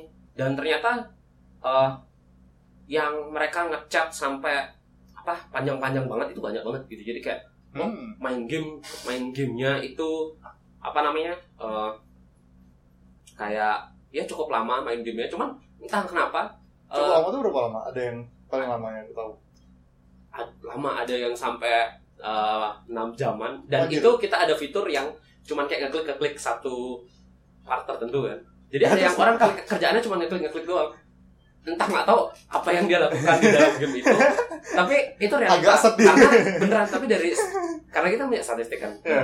kita lihat buset ternyata bener-bener karakteristik mereka yang main itu kayak gini ya Hmm. Nah, akhirnya Oke, nice. setelah kita pikir-pikir kita mau kembangin ke story lebih lagi wah eh, kayaknya susah karena kita pun nggak nggak punya nggak punya orang yang fokus di sana kan. Hmm. akhirnya ya udah titik fokusnya adalah rilis gimana caranya mereka bisa explore eh, untuk bikin sendiri dan Hmm. setelah kita tanya pun mereka pun excited banget untuk fitur itu kan ya Hmm. udah ya udah kita coba realisasiin full rilisnya cuma sampai itu aja sih setelah itu ya udah kita langsung ke next game sih. Nah, ini maksudnya untuk next game ya, kayak untuk next game next game gimana? Kayak lu menentukan fokusnya ke mana nya based on timnya dulu, kayak timnya pada capable apa dulu, baru nanti kita fokusin ke situ, atau emang Miracle Gate-nya ada visi sebenarnya gue pingin jadi yang mendepankan misalnya visual, misalnya oh berarti emang yang dikuatkan yang emang visual gitu. Hmm, agak susah sih sebenarnya ngomong itu ya Hmm. karena uh, ya itu sih balik lagi tujuannya satu kita sebenarnya pengen berkarya dengan karya yang bagus cuman Hmm. di satu sisi lain adalah satu gimana caranya kita bisa studio ini tetap bisa hidup gitu Hmm. dari apa yang kita bikin jadi otomatis kalau dibilang uh, pengen kuat di satu hal otomatis kita pengen kuat di banyak hal karena contohnya gini oh kita pengen fokus juga dari segi art art juga otomatis menarik nggak Ya. cuman asal-asalan aja oh artnya bagus tapi eh, teknikalnya busuk biasanya kayak Hmm. gitu tapi emang ya otomatis semuanya harus rangkap dong karena kalau kita mau bikin game kan pasti semuanya harus bagus Ya. gitu. jadi kayak nggak cuman sekedar ya artnya bagus tapi eh, teknikalnya apa namanya banyak banget atau eh, Hmm. kayak gitu ya pasti sih pengen semuanya sih kayak gitu Nah, pengen semuanya lebih, lebih condong ke semuanya sih Hmm. Kalau- karena gini eh, karena sebenarnya gini sih kita nggak ada apa fokus kayak wah kita pengen bikin eh, game yang mencondongkan art art art banget Hmm. gitu atau story story banget sih sebenarnya sampai sekarang sih sih belum ada ya Belum ada ya. Berarti kayak ngikutin tim aja berarti ya. Eh, ngikutin pasar sih lebih tepatnya nggak ngikutin Oh, tim oke. sih Berarti Kalau- kalau misalnya pasar ke arah mana, timnya harus menyesuaikan kayak harus latihan ke arah sana gitu ya.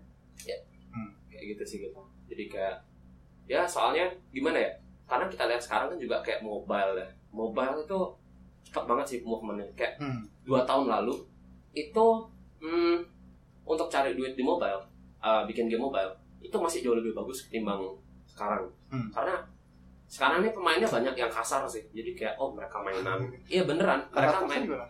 kasar tuh gini uh, mereka ngerusak store jadi kayak uh, mereka benar-benar nyepam nyepam aplikasi Oh, dengan keyword pemain itu maksudnya developer. spammer sih lebih tepatnya bukan developer mereka bukan Iya. developer sih jadi kayak ya mereka spam ya mereka cuma cari duitnya doang Hmm. Kekurangannya adalah ketika mereka banyak harga nilai dari contohnya kayak ads itu jadi lebih kecil Hmm, ya. beda sama kayak beberapa tahun lalu itu ads nilai dari ads itu masih besar kan jadi Hmm. kayak misalnya wah hmm, kalau misalnya gini ada beberapa studio yang mengandalkan bisnis modelnya adalah fokusnya adalah di ads Hmm. jadi kayak oh, ya udah bikin game edukasi terus fokusnya ya di ads dapat duitnya cuma dari ads doang Hmm. in app purchase agak susah misalnya kayak gitu kan Ya. emang fokusnya dia ke uh, ads nah sedangkan beberapa tahun lalu dengan sekarang ini udah beda. Jadi kayak sekarang kalau kita cuma mengandalkan ads itu nggak gampang gitu. Maksudnya Hmm. karena apa? Nilai klik dari ads-nya itu makin lama makin lama makin lama makin kecil gitu. Ya. cuman tergantung juga nih kategori game kita itu apa gitu. Nah jadi per percepatan bisa jadi. Eh, karena perkembangan apa store-nya itu cepat banget kan. Hmm. Mobile pun cepat banget perubahannya. Sama juga kayak Steam pun cepat banget. Jadi akhirnya ya udah kita mutusin untuk hmm, bikin gamenya sih ya kalau misalnya mau idealisme sebenarnya kita bisa aja mau idealisme cuma mau makan apa kayak gitu kan. Tapi kalau misalnya lu uh, dengan argumen bahwa oh uh, marketnya cepet banget berubah nih, terus lu pingin bikin game yang ngikutin market. Kalau misalnya sekarang lu bikin game X yang ternyata dengan kondisi market tahun 2018 nih, tapi beresnya misalnya 2019 kan marketnya udah bergeser. Itu Hmm. gimana jadinya? Kayak, Ah, nah makanya itu sih kita sampai sekarang pun kita nggak pernah berani untuk apa eh, developmentnya itu panjang karena Hmm, kita tahu iya. satu resource kita tuh dikit kan mhm. resource kita dikit satu habis itu yang kedua budget untuk development pun kita juga nggak sebesar besar banget kan Iya. akhirnya fokusnya adalah gimana caranya bisa cepet rilisnya supaya apa kita pun tahu juga salah salahnya dan bagaimana store-nya itu sih. Jadi kayak oh kita tahu nih oh ternyata kayak gini tuh nggak bener caranya tuh harusnya gini. Karena gini sih dulu pernah kita idealisme banget pengen bikin satu project kayak Griff nih kan Hmm. sedangkan apa? Eh, resource kita masih belum punya nih Ya. resource belum punya. Satu kemampuan untuk ngedevelop apa timeline management tim itu kita masih belum tahu sama sekali. Nah jadi kita tuh cuma menghabiskan waktu waktu itu bikin Griff itu eh, enam bulan itu fokus ke technical doang cuma bikin tools gimana cara bikin apa namanya biar semuanya dynamic. Hmm. tapi akhirnya apa? Ya enam bulan kalau mungkin kita masih mahasiswa ya kita bisa idealisme lah. Hmm. nggak makan makan masih ditanggung orang tua kayak gitu. Sedangkan kalau misalnya sekarang nih case nya adalah contohnya apa namanya eh, kita udah nggak kuliah lagi itu kita mesti nanggung listrik. Iya. nanggung mah banyak hal lah, kayak gitu gitu jadi banyak hal cost operasional internet terus apa tempat kayak gitu gitu Terus kan operasional berapa? Kalau misalnya lu hitung itu sebulan. Kalau boleh lu sharing. hmm cost operasional ya kayaknya juga Kayaknya dewasa sih. Nanti aja di luar di luar rekaman. ya gitu Oke. ya cuman maksudnya cost cost operasional aja udah udah apa namanya cukup jadi pertimbangan makanya rata-rata gini sih kalau saya lihat pribadi juga di Indonesia sendiri kan developer indie itu ya memang mereka masih stay small. Maksudnya kecil dan nggak berani expand besar besar banyak ya banyak banget ya. Karena ya itu kita memahami realita bahwa satu apa eh, perlu diketahui juga kayak apa marketnya ini cepat sekali berubah. Hmm. ketika kita idealisme pengen bikin satu game tertentu game A apa wah ada ini ngegabungin unsur ini ngegabungin unsur ini. Terus eh, tiba-tiba ada satu studio yang ngelihat misalnya kita nge-share trailer sedikit ada yang ngelihat kayak gini dia bisa punya duit lebih banyak dan bisa hajar Hmm. kita sih maksudnya. Hmm. duit banyak mau bikin apa aja bisa kayak gitu. Jadi salah satunya sampai sekarang pun kita masih belum berani bikin game yang benar-benar idealisme banget ya karena itu sih. Ya mau makan apa kalau misalnya Hmm. kayak gitu. Karena udah kita fokusnya adalah yang penting marketnya ada sih. Bikin makanya dulu sih kita bikinnya nggak pernah sama sekali riset ya. Jadi kayak wah kita pengen bikin idealisme aja. Cuman setelah banyak mengalami kegagalan mulai tahu ternyata marketnya kayak gini ya udah Hmm. kita mulai ngerti dan visi misinya pun udah berubah ketika dulu bikin game adalah bikin sebuah makarya yang luar biasa kalau Hmm. sekarang adalah gimana caranya kita bisa bisa makan dan bisa hidup dari itu Hmm.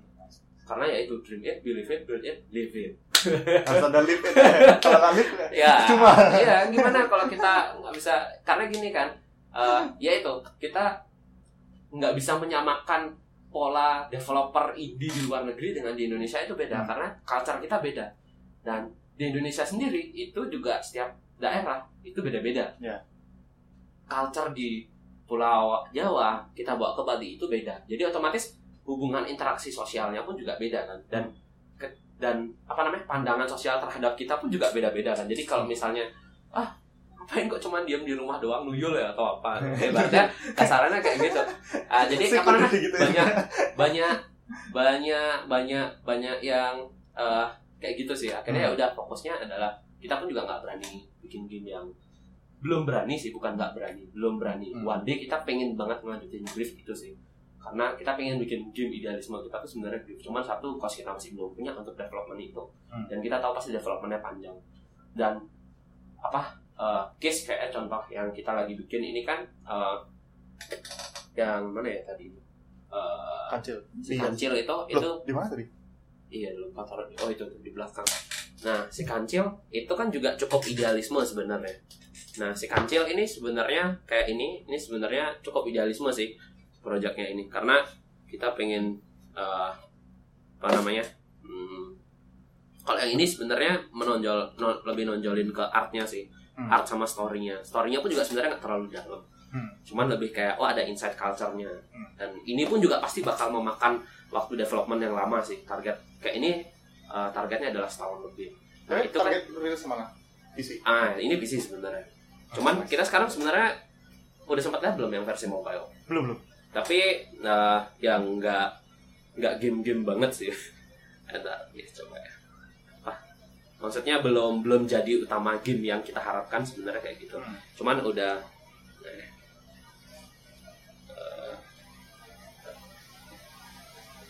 Wah, kenapa ada di coding ya? iya waktu itu kita iseng ikut-ikut di BS aja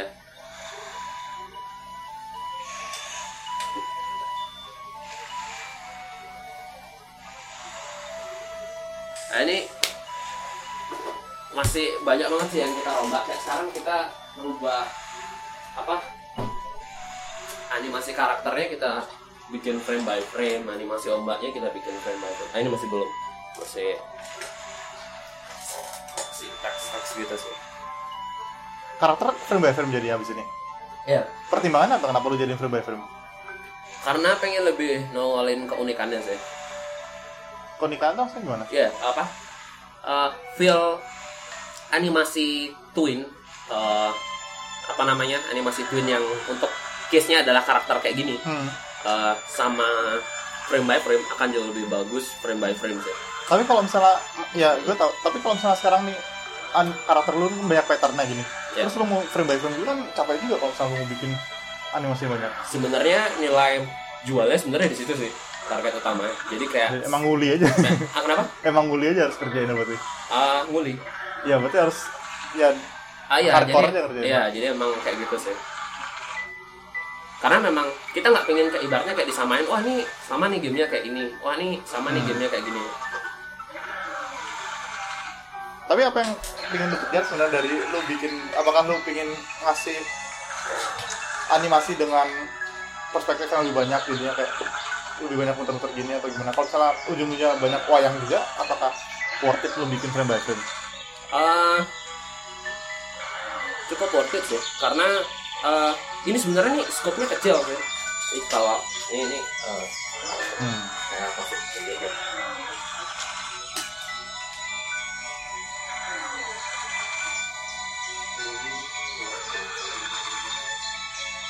Nah, ini kayak ini contohnya ini kita lagi kerjain airnya kayak gini.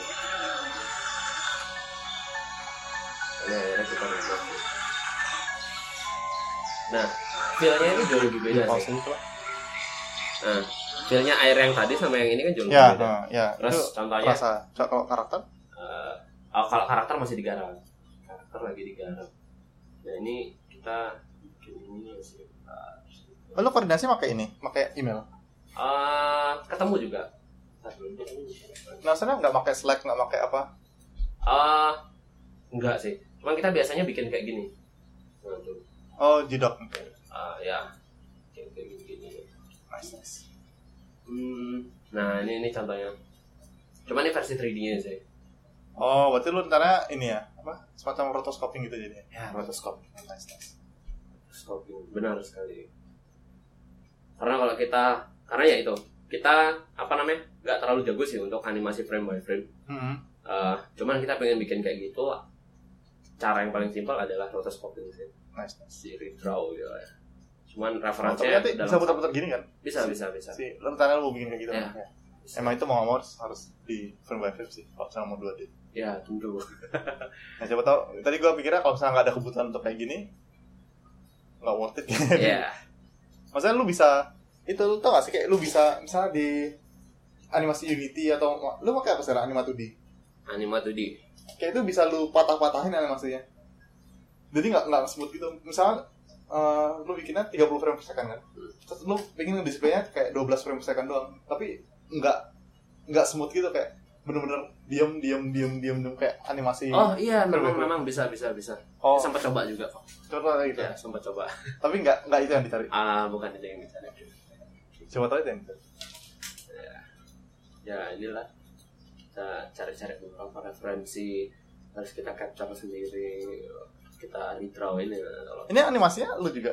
Maksudnya Miracle juga yang animasiin 3D yang ini? Oh Ya. enggak enggak. Yang ini yang ini kita beli modal di Unity Asset kemudian Oh, nice. kita capture ini sih. Nice nice. Jadi ada berarti ng- ngikutin workflow-nya si Ori ya? Rada gitu oh enggak tahu ya. Workflow-nya Ori kayak gimana? Ori kan 3D dia si Orinya oh sendiri. iya. Orinya backgroundnya tuh di ya, ya background tapi si Orinya sendiri kan dia gambar 3D terus di capture capture gini terus dijadiin frame by frame gitu oh enggak tahu ya Oh, masa nggak iya tahu. gitu kayak enggak gitu dia cuman soalnya dia kalau kalau 3D sih tahu karakternya 3D backgroundnya 2D Iya. nah itu tahu cuman nggak tahu kalau misalnya di capture capture gitu di capture capture itu terus soalnya dia pengen ngasih apa blur blur dikasih glow seenak-enaknya dia ya, jadi ya, emang ya. dijadiin jadiin Iya, frame by iya, iya. juga ujung-ujungnya Oh, cuma nggak tahu. Kalau kita ya karena biar ngedapetin feel animasinya jauh lebih enak sih. hmm. Kalau misalnya twin kayak tadi tuh kita udah coba, wah dan dan lumayan lama tuh kita nganimasiin apa hewan berkaki empat tuh jauh lebih susah ketimbang kita animasiin manusia gitu. Karakter manusia mah gampang banget kan. Ya tinggal apa saya naikin satu poin ya udah bikin dia idle udah gampang. Iya. Bikin kaki berempat, bikin jalan, waduh susahnya luar biasa. Kayak kita cari beberapa reference apa namanya eh, animation reference kan, Hmm. itu kita ngabisin waktu berapa ya? Empat hari itu baru animasi kayak tadi itu pun masih kurang maksimal kan. Hmm. Tapi supaya ngedapetin biar loopingnya mau kayak gitu aja lama banget gitu. Akhirnya Oke. ya udah deh. kerjaan animasi sekarang siapa lu berarti? Iya. Udah yang ngerjain. Hmm. Nah itu dia. Apakah ada By the way kita sudah satu jam. Lo ada yang mau diobrolin nggak tuh? Kayak yang topik menarik Hmm, kegalauan yang sedang dihadapi. Kegalauan. Pacar gimana pacar? Hmm, kegalauan sih lebih apa ya? Eh kayaknya ya itu sih karena kalau kita ngomong game game game dev sih ya. Hmm. Sekarang nih marketnya benar-benar cepat sekali sih. Berubahnya tuh benar-benar Ya. cepat sih. Tapi kalau kita nggak bisa apa ngikutin maksudnya gini bukan kita ikut ikutan ya Ya. tapi apa ya eh, kalau kita idealisme oh, maunya di mobile aja Hmm. Nggak. kalau memang kita di mobile eh, apa namanya memumpuni untuk satu kita punya budget untuk banyak hal kayak misalnya marketing Hmm. eh, apa namanya eh, ya semacam semacam itu nah itu oke oke aja sih tapi ketika kita beridealisme wah mau bikin IP sendiri terus bikinnya cuma satu IP dan dikerjakan selama berbulan-bulan Hmm. itu susah. Susah gitu. Jadi kalau oke misalnya kalau ada investor ya oke aja lah. Hmm. cuman kalau memang indie dan sendiri itu cukup susah. Jadi kalau ada investor ya boleh-boleh aja lah. Tapi Makanya kalau- sendiri nggak tertarik nyari investor? tertarik nggak? Tertarik sih sebenarnya tertarik. Cuman kita saya pribadi sih ngerasa kayak kita masih belum mampu untuk sampai di titik itu sih karena Hmm. untuk ngedapetin investor tuh nggak gampang maksudnya apa oh ya udah sekarang dapet investor gampang nih kita untuk budget development yang tanggung dan lain-lain Iya. ini ya tapi nggak segampang itu juga gitu karena Hmm. itu kan duit orang kan nggak Iya. nggak asal-asalan wah udah dapet investor wah bangga nih diliput media dapet investor Iya. tapi nggak segampang itu gitu Hmm. Hmm, makanya sampai sekarang pun masih ya iya pakai modal kita sendiri kayak gitu gitu buat strap ya karena ya itu apa nggak segampang itu sih maksudnya ya bisa aja sih. Ternyata kayak beberapa studio besar di Indonesia rata-rata juga support sama investor. Ya. nah itu sebenarnya ya ya itu. Karena memang kalau dibilang ya kita susah sih kalau misalnya mau ngembangin idealisme. Tapi apa namanya tetap berpikiran tentang wah nih cost untuk production wah nih cost untuk operasional. Hmm. nah jadi susah sih. Jadi ya memang kita kalau indie sih ya pintar-pintar cari peluang sih Hmm. dan lebih lebih cepat kita gagal lebih cepat kita tahu gitu bagaimana sebenarnya yang perlu kita tahu adalah gimana cara market itu bekerja sih sebenarnya Hmm. bagaimana market itu kan bicara soal user juga nah ketika kita sudah tahu itu dan kita dari segi teknikal gamenya semua bagus itu sangat bagus hasilnya Hmm. tapi ketika gamenya udah bagus dan kita buta tentang marketnya kita wah oh iya kita cuman riset sebatas ah usernya ada. Hmm. sebatas itu doang. Realita tuh bakal menampar kita jauh lebih sakit gitu. Itu itu itu Iya. it- itu beneran banget sih. Jadi kayak sempat beberapa publish game juga tapi nggak pakai nama Miracle. Itu eh, wah grafiknya bagus. Hmm. cukup cukup keywordnya pun juga bagus. Apa Hmm. namanya? Kata kuncinya itu cukup bagus cukup banyak. Nah cuman ternyata nggak sepadan apa eh, apa ya eh, eh, marketnya itu nggak sebagus ekspektasi kita Hmm. setelah kita riset kan. Ya cuman itu hal biasa. Nah tapi ketika kita melakukan itu untuk indie developer yang apa eh, satu budget development pun juga nggak terlalu banyak alangkah lebih bagus untuk ya udah cepetin gagal. Fokus maksudnya jangan terlalu lama developmentnya enam bulan setahun atau satu setengah tahun itu Hmm. bakal habis gitu ya kalau mungkin apa sambil kerja atau mungkin ada yang nanggung ada tanggungan ya malah ada yang nanggung kita ya nggak masalah sih atau mungkin ada investor investor kan bisa mungkin aja orang tua kita. Nggak apa ya itu nggak apa-apa tapi kalau misalnya nggak ada itu ya cukup cukup bahaya sih gitu. Hmm. maksudnya bukan kita pesimis ya Ya. bukan kita pesimis tapi eh, kita harus tetap optimis cuman realita itu kita perlu tahu sih kayak Hmm. gitu karena ya itu eh, lu pernah pertimbangan ini gak sih kayak eh, kalau misalnya sekarang Miracle kan nge-handle semuanya berarti kan dari mulai dari bikin sampai lobbying juga di-handle kan itu kan sebenarnya banyak kerjaan. Iya. Marketing juga artinya harus handle sendiri berarti kan. Kayak lu pernah pertimbangan misalnya kayak kerjasama dengan ya orang yang sudah handle itu gak sih kayak misalnya bareng Toge atau bareng eh, siapa yang, yang di luar tergantung Hmm. dari market game-nya. pernah pernah pernah pengen banget sih sebenarnya kepikiran kayak gitu cuman ya hmm, apa ya? Bukan mak- maksud yang lain tapi kayak eh, ya ter- tergantung kalau misalnya emang lu pingin fokusnya membangun bisnis Tapi yang sama- emang lu handle semuanya ya nggak masalah juga. Tapi kalau misalnya lu emang pingin fokusnya Ya. bikin game yang ya emang pingin di productionnya dimantepin ya kenapa tidak mempertimbangkan bener bener bener kerjasama dengan yang ini? Ya cuman kita masih pengen belajar dulu sih. Hmm. karena ya itu dari dulu pun kita masih belajar gitu Hmm. contohnya kayak itu dah eh, di Bali kita susah sekali sih cari mentor Hmm, mentor oke. apalagi game dev ya kalau dibilang uh, sebenarnya di Bali itu banyak bully-bully internasional yang mereka datang ke Bali gitu developer gitu developer internasional karena itu tujuannya vacation kan pastinya cuman uh, ya itu kalau untuk orang lokalnya sendiri ataupun bule yang tinggal di sini yang mereka punya studio di sini dan kita tanya itu masih susah gitu Hmm. makanya itu dia kita benar-benar mencoba untuk ya udah yang penting uh, pelajari semua market dan tahu nih celah-celahnya Hmm. Ya udah kita coba untuk sendiri dulu. Gitu. Dalam artian bukan kita menutup kemungkinan untuk ah kita pengen kerjasama sama beberapa perusahaan kita pun juga ngelakuin kok kayak misalnya sama studio di Singapura kayak Hmm. gitu. Nah itu kita juga kerjasama cuman eh, apa namanya kita masih pengen belajar dulu sih belajar dulu belajar. Makanya sering datang ke Game Prime ke mana itu sebenarnya ke luar Bali sebenarnya belajar itu. Dan networking itu sih yang paling penting apa ketemu sama teman-teman developer developer lain. Kalau kita ngomong acara besar gitu kayak apa eh, Game Prime yang mungkin ada sesi teknikalnya sebenarnya kita nggak ngedapetin apa-apa loh di sana kalau Ya. misalnya ya kita cuma sekedar oh ya cuma tahu itu doang tapi kita lebih dapat kayak ketika kita diam sendiri di rumah Hmm. dan kita fokus ke apa namanya apa eh, ke apa yang kita pengen fokusin kita lebih dapat di rumah sebenarnya Hmm. cuman kita alangkah lebih bagusnya ketika kita pergi itu kita networking ketemu sama teman-teman Ya. kita tanya sama mereka jadi jauh lebih bijak lah Ya. Ketimbang- Kemarin waktu sesinya si Aldo juga, dia kan sempat ke GDC kan. Dia ya sering-sering juga kayak masalah. Ya sebenarnya kalau misalnya lu ke GDC cuma mau nontonin si Talksa doang nggak worth it gitu loh. Kayak emang yang buang-buang uang akhirnya ya. iya lebih baik masa malah lebih efektif ya itu kayak nonton aja videonya toh ada iya default benar dan benar sebagainya. benar benar itu itu itu jauh lebih bagus Emang yang dicari harusnya ya emang uh, networking Iya. ketemu orang. cara ketemu temen kayak gitu karena kalau misalnya kita bicara soal ya itu apa wah pengen belajar belajar apa teknikal di sana nggak bakal dapat apa di sana Iya. Kayak saya pribadi ikut acara game prime dari apa dulu dulu banget tuh ikut Hmm. GDG sorry ikut game prime GDG masih masih GDG ikut acara-acara kayak gitu terus ada beberapa acara-acara di apa namanya di Jogja juga in game nah kan sebenarnya apa eh, tujuan waktu itu ikut itu pengen tahu bisnisnya game itu kayak gimana sih sebenarnya. Hmm. Nah, cuman basically adalah orang ngasih taunya gini, ya udah kamu bikin gamemu, kamu bikin landing page, kamu bikin ini promoin marketing gini gini gini gini gini.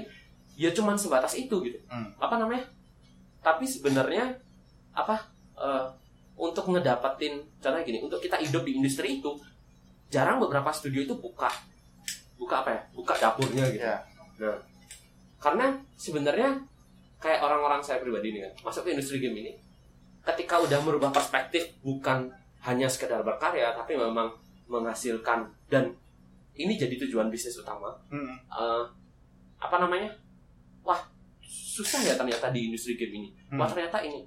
Akhirnya sampai ketemu titik di mana wah udah ikut acara-acaranya, tapi saya nggak ngedapetin apa yang saya pengen cari gitu. Kayak apa namanya? Wah, Hmm. gimana sih cara survive kita di industri game itu gimana? Gimana? Hmm. Mereka nggak ada yang buka kartu.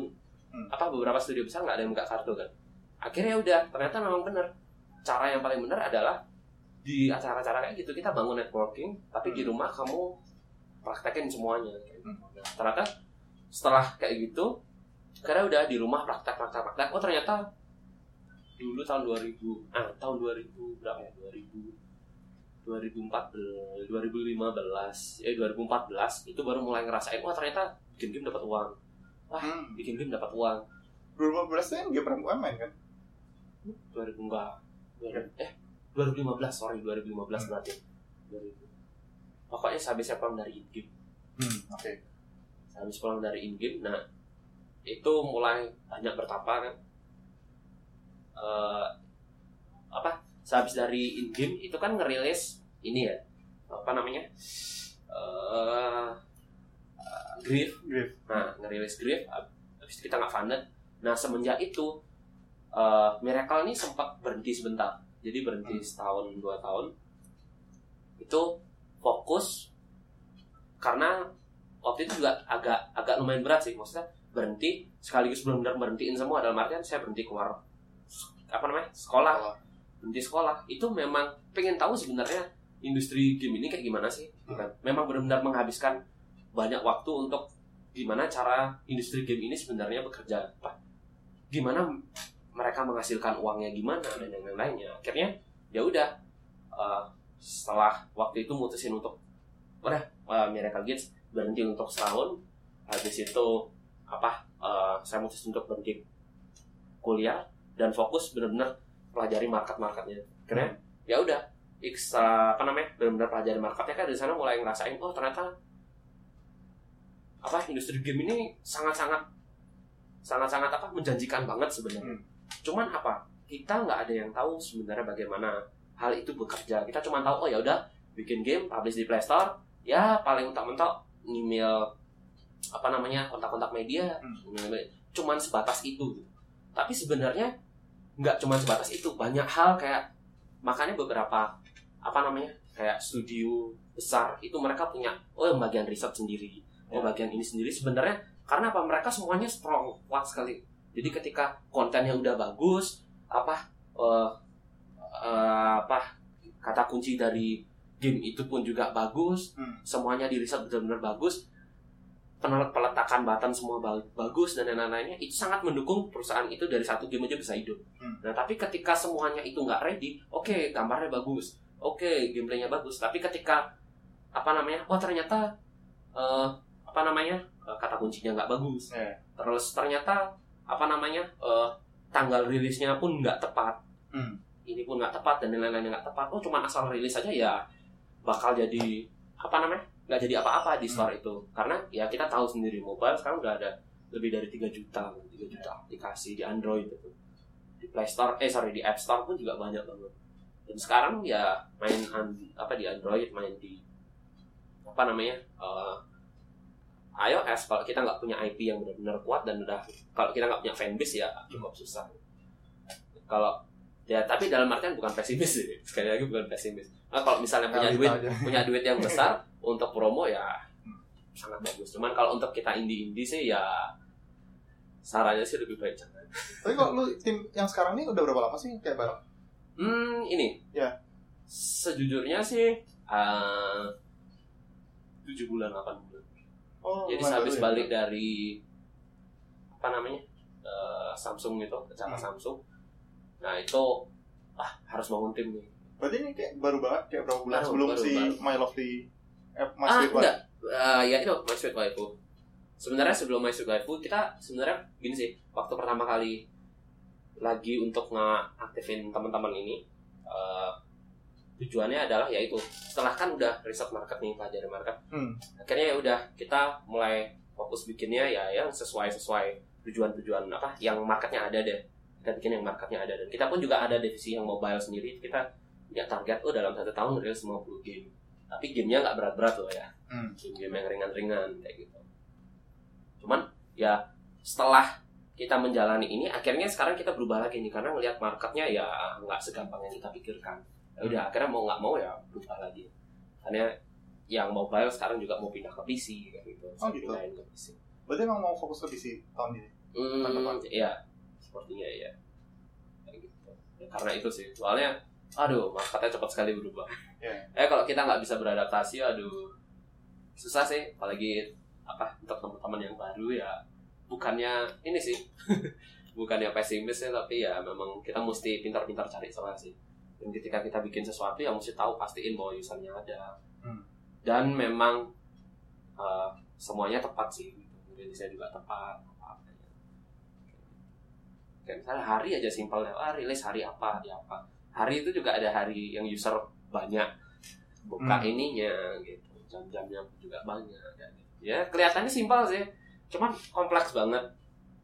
Pengennya sih nanti ya ini dah mulai sekarang kan ini udah bangun tim. Dulu kan masih handle coding itu semua juga di handle apa semua di handle cuman sekarang ini udah mulai cari tim yang benar-benar bisa dipercaya dan kamu memang fokus handle di coding saya juga fokus di marketnya belajar di apa jadi memang fokus di satu hal dan apa nggak terlalu banyak ke teknikal gitu sih lebih ke tentuin manajemen manajemen tim-timnya oh besok harus apa apa yang harus Sekarang udah udah lepas bener-bener apa? Kayak coding udah bisa dilepas. yang My Sweet Waifu itu udah dilepas Kalau Nah, Art? udah ada yang coding art nah art masih di handle sih Art art masih di handle beberapa sih di handle Art Musik? handle. lu musik gimana? ya? musik ah, Om Jas tahu Om Jas Oh, jazz. ya Om Jas yang Hmm. ngerjain bisa aja mau ngerjain cuman kalau ngerjain semuanya sendiri terlalu idealisme terlalu capek Hmm. cuma ngerjain semuanya akhirnya ya udah ya itu sih karena susah kalau misalnya kita mau idealisme idealisme ya bukan nggak bisa bisa sih cuman ya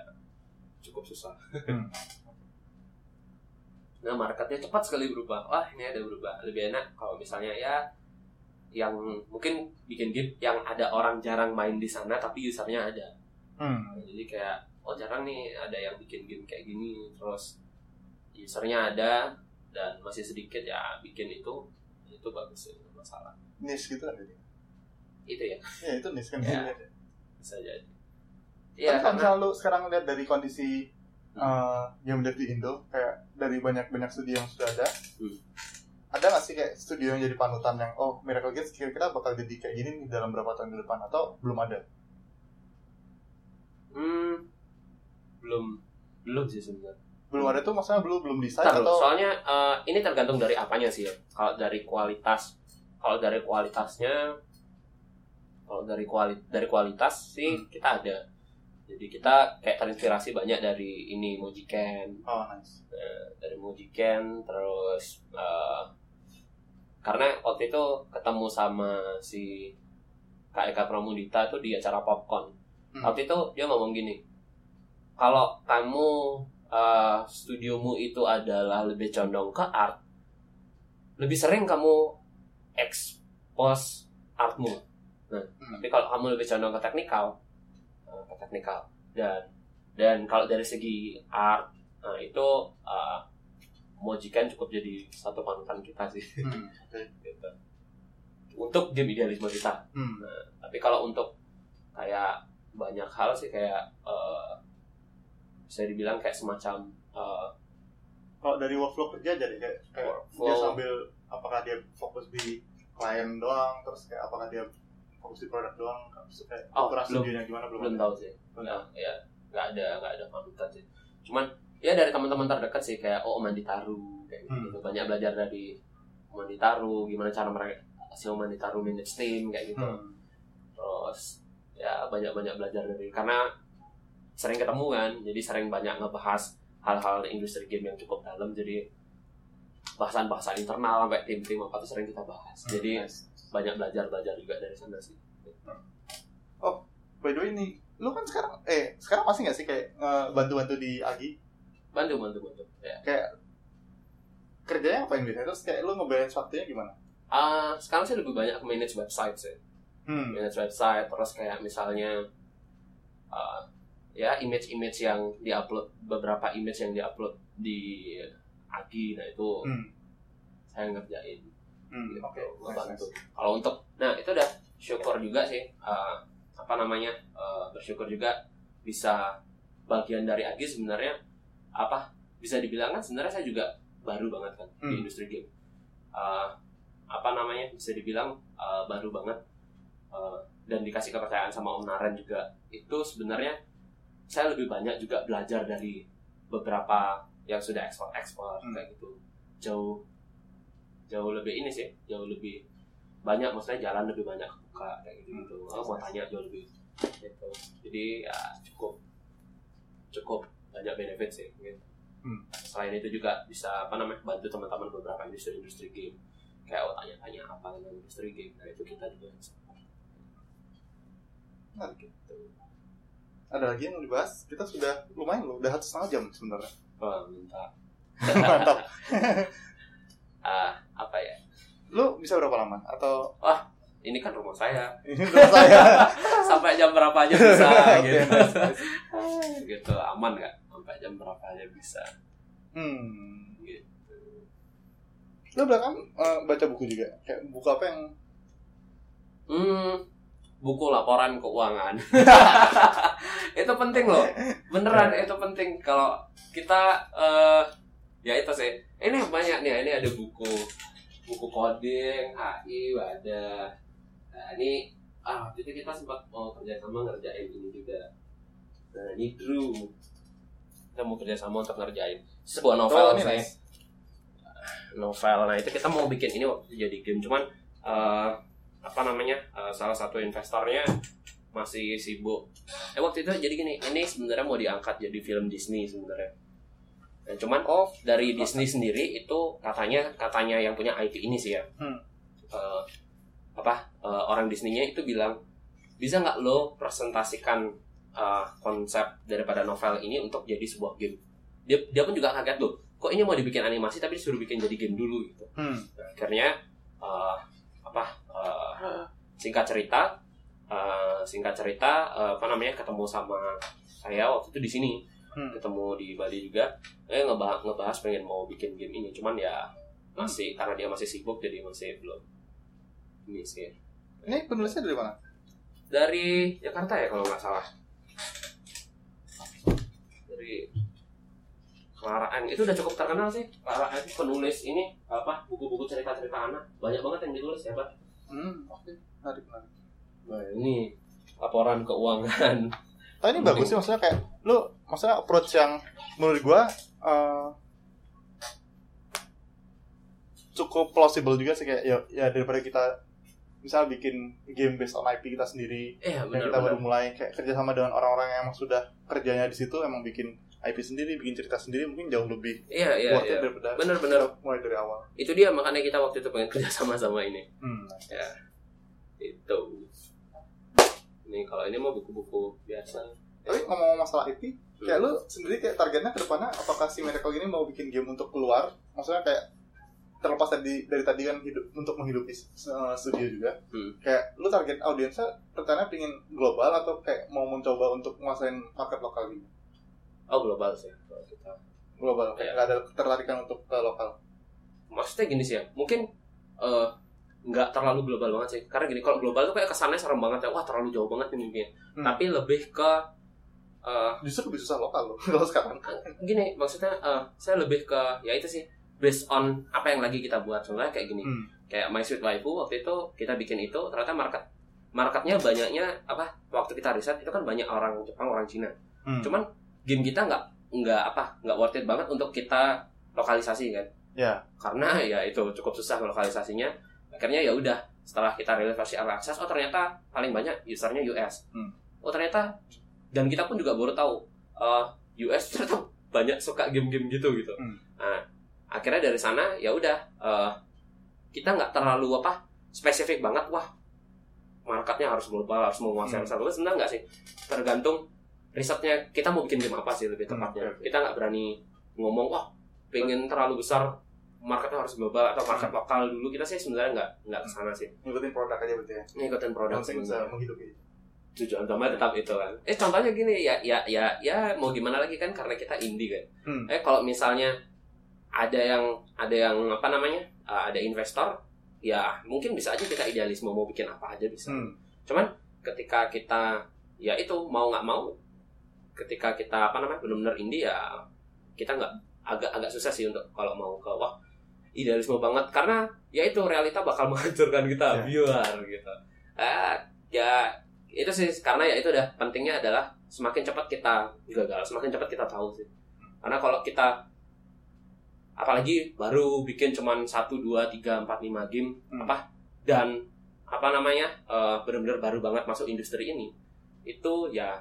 susah gitu jadi mesti semakin cepat gagal semakin cepat tahu store itu bekerja dan semakin tahu kita bagaimana dalam artian gini bukan kita bikin game untuk cepat kaya itu malah salah Hmm. tapi eh, apa namanya jangan juga berpikir bahwa eh, bikin game sebuah mahakarya tapi ya kamu mau makan apa gitu.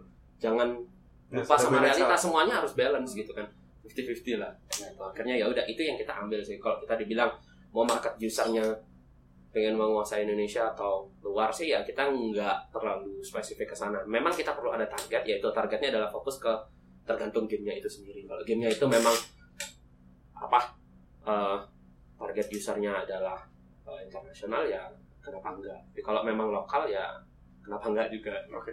Tapi lu berapa kali tadi ngomong kayak ya ya realita akan menghancurkan lu gitu. kayak lu sempet gak sih kayak sempet kepikiran ah pingin menyerah gitu kayak dalam Wah, sempat itu sebenarnya titik poin di mana eh banyak hal sih sebenarnya. Jadi kayak ah ya itu dah. Kita nggak bisa menyamakan scene game dev di luar negeri sama di Indonesia karena Hmm. culture kita beda. Culture di kan apa di Bali sama di luar Bali itu pun juga beda meskipun kita sama-sama Indonesia. Nah, waktu itu waktu pertama waktu itu kan bikin Project Green Hmm. kemudian mutusin untuk keluar kampus habis itu habis mutusin keluar kampus eh, waktu pertama kali mutusin keluar kampus sebenarnya apa namanya eh, udah tahu tujuannya adalah pengen fokus di industri game supaya bisa menghasilkan tujuannya itu Ya. oke nah setelah tujuannya itu eh, apa namanya eh, supaya kita bisa hidup dari industri game ternyata kenapa Suara fan ya? Suara fan tertekan juga. Oh iya kayak nanti noise ya noise Ya, banget nggak apa bisa dihilangin. ya Sudah tahu cara. Nah itu eh, apa namanya kalau eh, apa namanya waktu habis keluar itu tujuannya adalah gimana caranya supaya eh, pengen tahu industri game ini eh, kita bisa hidupnya di mana sih Hmm. gitu kan. Ternyata eh, setelah udah mutusin keluar kampus ternyata ada banyak problem lagi nih wah problem problem keluarga nih Eh, apa namanya problem keluarga yang eh, waktu itu cukup cukup cukup bikin pressure yang sangat berat sih. Hmm. Jadi kayak berasa wah mimpi yang udah di set pengen hidup dari industri game ini kayak udah down banget. Jadi kayak Hmm. udah udahlah mau ngapain gitu kan. Udah bingung. Karena udah ngambil keputusan keluar kuliah otomatis satu udah nggak tanggungan dari orang tua lagi kan. Hmm. Udah harus semuanya sendiri-sendiri nih. Hmm. Jadi udah kalau udah ngambil keputusan ketika udah ngambil keputusan itu dan uh, ada pressure tersendiri yang ngebikin kita benar-benar apa down. Jalan satu-satunya ketika kita down, kalau kita cuma diem-diem aja di rumah terus nggak ngapa-ngapain ya, ya banyak tagihan gitu kan. Hmm. ya kamu mau mau gimana gitu? Masa iya kamu lari dari dari kenyataan gitu kan? Ya di titik itu benar-benar ngerasain sumpek banget. Wah nih kok apa namanya kok kayak gini gitu kan? Hmm. keadaan wah apakah iya saya harus quit di di di game karena ngebangun nama Miracle itu nggak gampang. Sampai wah pergi-pergi ke Surabaya, pergi ke Jakarta ikut acara-acara. Itu kan sebenarnya ngebangun nama. Dan udah ngebangun nama cukup apa eh, lama. Masa iya mesti berhenti saat ini sih? Hmm. Gitu. Sempat apa berpikir kayak gitu kan. Masa iya harus berhenti sekarang? Harus berhenti sampai di titik ini? Udah cukup panjang dan nanggung banget nih. Hmm. akhirnya ya mau nggak mau ya ya udah terjun ya udah kadung terjun harus terjun. Terjun banget jangan setengah-setengah. Akhirnya udah nyemplung nyemplung sekalian dan benar-benar pelajari semuanya sih. Dan ketika pelajari semuanya karena gini eh, ada satu buku nih bagus banget. Itu ada kutipan gini ketika kamu jadi apa eh, orang inti dalam satu studiomu apa atau mungkin kita bisa bilang founder ya Hmm. founder kita memang mesti belajar banyak hal. Hmm. Supaya ya itu ketika kita pun juga sudah cukup mapan apa financial freedom asik Hmm. dan ada kita mau mendelegasikan apa pekerjaan kita ke orang kita harus kita udah tahu nih pada siapa kita harus ngasih Hmm. kerjaan itu jadi ya mau nggak mau memang mesti benar-benar apa namanya pelajari semuanya Hmm. dan akhirnya ya udah eh, ketika di saat itu fokus utamanya adalah gini gimana cara bikin satu game dapat uang dulu dari sana. Nah, itu waktu itu waktu ngerasain pressure-nya. Karena apa ya itu? Udah ngambil keputusan untuk keluar dari kampus Hmm. dan udah nggak ada yang bisa apa namanya maksudnya udah nggak bisa nggak bisa apa namanya ada tanggungan dari orang tua lagi udah itu udah nggak ada gitu. Jadi mau nggak mau kamu harus bisa mencukupi segala kebutuhanmu sendiri semuanya sendiri. Nah ketika itu banyak coba apa ngelamar ke beberapa studio di Jakarta itu Oh, lu sempet nyoba ngelamar? ngelamar waktu dulu banget Tahun berapa itu? ya itu waktu sehabis Griff apa eh, apa namanya Griff gak funded Hmm. uh, Miracle Gate saya coba berhentiin dulu sebentar coba ngelamar cuman saya nggak nggak kerja di sana gitu maksudnya apa namanya kerja pun juga enggak Hmm. apa cuman ngelamar doang oh ternyata diterima. Oh ternyata diterima. Tapi ya itu di blacklist. Nggak di blacklist karena saya nggak datang kan. Karena saya nggak ini. Ya udah apa Penjahat penjahat. Nah, oh, iya nggak beneran. Iya. Eh, apa namanya? Beberapa sempat di blacklist. Cuman Hmm. syukurnya adalah tahu cap apa namanya? Seberapa kemampuan kita untuk di perusahaan itu oh ternyata diterima gitu. Maksudnya, ah ya, jadi seberapa bisa sih kita diterima di perusahaan itu? Dan sebatas mana kita diterima sama perusahaan itu? Apakah oke junior atau apa? Hmm. nah ternyata setelah tahu itu wah ternyata cukup bagus ketika melamar meskipun saya sebenarnya kalau mau kerjanya ya bisa aja cuman Hmm. kata hati itu kayak apa ya idealisme itu tetap eh, apa namanya eh, pengen ayo lah kamu bisa di Bali kok sebenarnya. Cuman kamu nggak tahu caranya nggak tahu. Akhirnya ya udah eh, saya coba fokus fokus fokus fokus fokus fokus fokus belajar. Ternyata nemuin titik di mana oh ternyata oh gini oh gini caranya. Kayaknya ya udah semenjak mas apa tahu titiknya itu ya oh ternyata enjoy kok di industri game gitu. Akhirnya tahu gitu. Ya industri game ini sebenarnya industri yang bagus. Kamu bisa ngasilin maksudnya jangan bermimpi untuk kaya tapi kamu bisa menghasilkan yang jauh lebih da- dari cukup untuk Hmm. segala kebutuhanmu gitu. Akhirnya ya semenjak semenjak tahu itu ya ya apa namanya depresi dan down itu ya udah mulai ini sih. Cuman ya balik lagi makanya akan ada juga titik di mana kita bakal kembali seperti itu lagi maksudnya wah kok gini lagi karena apa yang tadi saya bilang market itu cepat sekali berubah Hmm. dan ketika kita nggak ngikutin market dan masih idealisme ya kalau misalnya masih ada yang nanggung atau ada investor orang mungkin itu orang tua kita mungkin itu memang benar-benar investor angel investoran bersyukurlah gitu. Hmm. tapi ketika kalau misalnya kita mas kita nggak ada itu ya mau nggak mau gimana caranya biar kita bisa hidup gitu. Karena ya buat apa kita berkarya tapi kita nggak bisa hidup ya makin lama karya kita juga mati kan. Hmm. ya nggak berkarya lagi hilang hilang hilang ya ya udah jadi apa. Akhirnya ya gitu. Terus nyoba freelance juga beberapa freelance freelance online. Akhirnya itu uh, dibukain jalan kayak wah dapat kerja sama-sama dari Singapura dari Dubai. Kerjain beberapa Itu game. jalan siapa? Berarti dari dari kliennya? Sebenarnya online sih. Online. waktu itu sempat ngerjain game-game HTML juga gitu ngerjain wah satu game. Apa? Pertama testing satu game. Oh ternyata mereka senang sama hasil satu game. Padahal cuma tapping tapping game biasa. Ya udah kita bikin kita bikin bikin bikin bikin, bikin itu.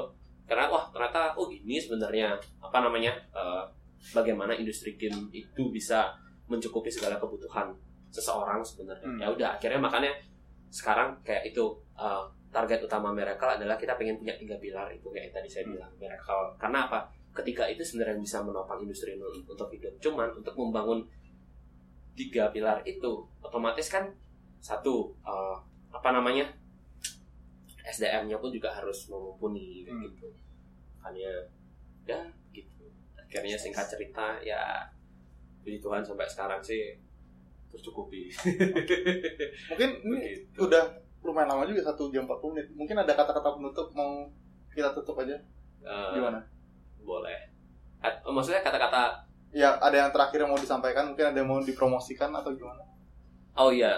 Nantikan game si kancil di game prime nanti. Wes eh, lu kabut gak sih? Gue buka belum buka buka buka Dapat ya yang dapat gratis. dapat Yang gratis itu kan? ada tamatin juga gitu. Iya, iya, iya. Ya, Gue lupa kayak lihat ada gak sih mereka juga? Kemarin ada ada, ada. Ya itu.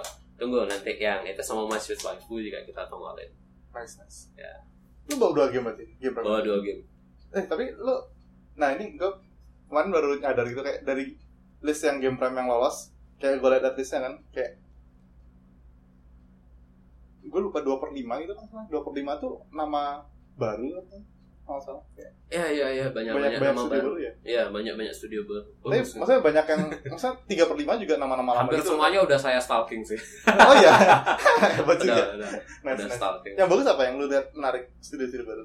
Apa ya namanya Eh, ada yang bikin ini eh, kayaknya masih anak mahasiswa waktu itu dia bikin saya lupa namanya 3D game kok jadi tentang untuk anak-anak sakit apa gitu saya lupa dia sempat ikut ini eh, crowdfunding Indonesia apa sih namanya kita bisa ya Oh, si Storytel ya? nah Storytel itu Hmm. bagus terus ada lagi Nggak, udah bukan mahasiswa, dia udah lulus. ah udah lulus Baru, ya baru, baru banget. Tapi dulu waktu awal bikin mahasiswa. nah itu itu itu cukup bagus Itu, itu game bagus.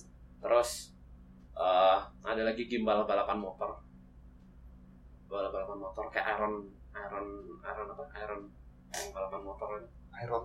ada kan Iron Iron Hill Climb Racing. ah no no no no no no ada film Iron Iron apa yang naik motor kan Apa Iron Iron naik motor?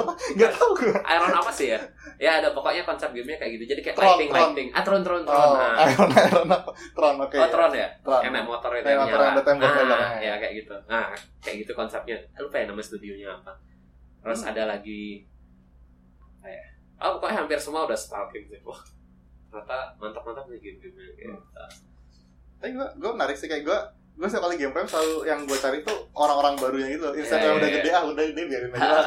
ya, Tahun depan masih ada. ya pasti pasti datang ya Pasti datang lagi. yang itu-itu kan udah tuh. iya iya, iya. baru-baru. banyak banyak baru-baru dan kualitasnya pun juga makin lama makin bagus Ya sih bagus masih makin oke sih. Iya, memang memang harus gitu sih. Karena gini juga ke depannya itu udah selain market. Nah, karena gini, market market makin lama bagus dan apa namanya ketika kita nggak bisa bertanding dari segi quality juga ya susah kayak Hmm. gitu. Jadi quality itu ya syukurnya sih beberapa kemarin apa uh, ngeliatin beberapa studio-studio itu kualitasnya juga makin lama bagus-bagus Hmm. dan ya itu itu juga memacu kita juga untuk bikin karya makin lama makin harus makin bagus Ya. ya. Gitu ya gitu soalnya ya balik lagi Ya, tadi mau nutup dipotong. eh ya ada lagi, ada lagi. Pesan-pesan. ah nggak kesan kesannya palingan untuk teman-teman indie studio game tetap semangat itu Klise. penting gak sih ya, beneran nggak tapi Ya. beneran kan Ya. gitu dan untuk yang baru-baru eh,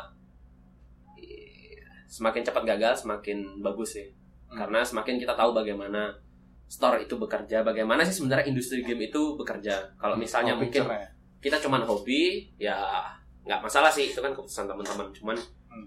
eh, apa namanya kalau memang menseriuskan industri ini ya ya itu sih lebih cepat gagal semakin kita cepat tahu bagaimana store itu bekerja daripada kita menghabiskan waktu dan uang untuk mendevelop sebuah game dalam jangka waktu yang panjang Hmm. dan ternyata endingnya adalah tidak sesuai ekspektasi kemudian kita close dari industri ini Hmm. Eh, lebih baik jangan gitu. Jadi alangkah lebih bagus. Semakin cepat kita gagal semakin cepat kita tahu dan pasti kok betah di industri game ini karena industri game ini cukup menjanjikan. Percayalah. Ya itu bukan bukan bukan bukan apa? Bukan pesimis.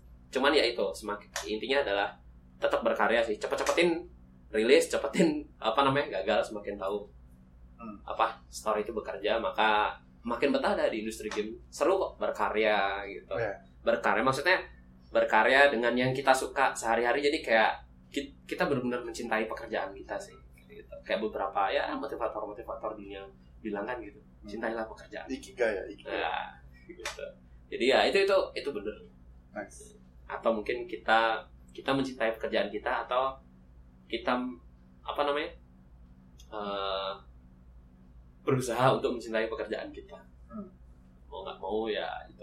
Cuman kalau memang hobi awalnya adalah hobi, jangan cuman sekedar apa namanya bikin habis itu eh, apa namanya ya udah selesai tapi ya itu coba publish coba kalau memang tujuannya untuk apa namanya eh, ya memang pengen dapat sampingan atau apa penghasilan dari industri game cepat-cepat gagal cepat-cepat tahu store-nya itu maka ya akan tahu bagaimana dunia itu bekerja Oke, nice. Oke, mungkin segitu aja ya siap untuk episode kali ini. Jadi eh, terima kasih sudah mendengarkan. Mungkin kita ketemu lagi. Lo dari request request nggak kayak lo tertarik siapa yang di wawancara untuk berikut? Yang lo pingin tahu ceritanya gimana sebenarnya? hmm pengen tahu ceritanya siapa ya Eh, Yang Bandung deh, yang Bandung ya yang belum. Bentar loh, yang Bandung tuh yang indie-indie banget siapa sih? Yang, Yang indie. benar-benar indie banget. Ya itu kayak Circus Horse. Habis itu Sir apa? Circus Horse. Storytelling kan indie juga hitungannya. Terus ada Egion. Nah, mungkin lebih ini sih ngangkat-ngangkat indie-indie Hmm, sih. indie Karena- ya. Karena bener eh, apa ya itu sih ngerasain bagaimana titik-titik mereka itu untuk survive itu bisa kita bisa mendapatkan ceritanya itu dari indie-indie ini karena ketika kita ngomong sama beberapa studio yang besar kita cuma tahu ya mereka udah sustain karena gini gini gini, gini. Hmm. tapi apa eh, kita bisa banyak belajar dari bagaimana sih mereka ini susah-susah makanya banyak ada orang mendokumentasikan indie-indie studio itu ya itu jadi ketika kita bisa mendokumentasikan kayak misalnya podcastnya ini untuk apa banyak juga ngebahas indie-indie developer mungkin cukup bagus tahu perjuangan-perjuangan mereka gitu. Oke, nice. Mungkin masukannya kita tampung nggak sih? Asik. Ya, sampai jumpa di episode berikutnya. Siap. Dadah. Bye bye. Bye bye. Ntar dulu ya, kita ngerekam suara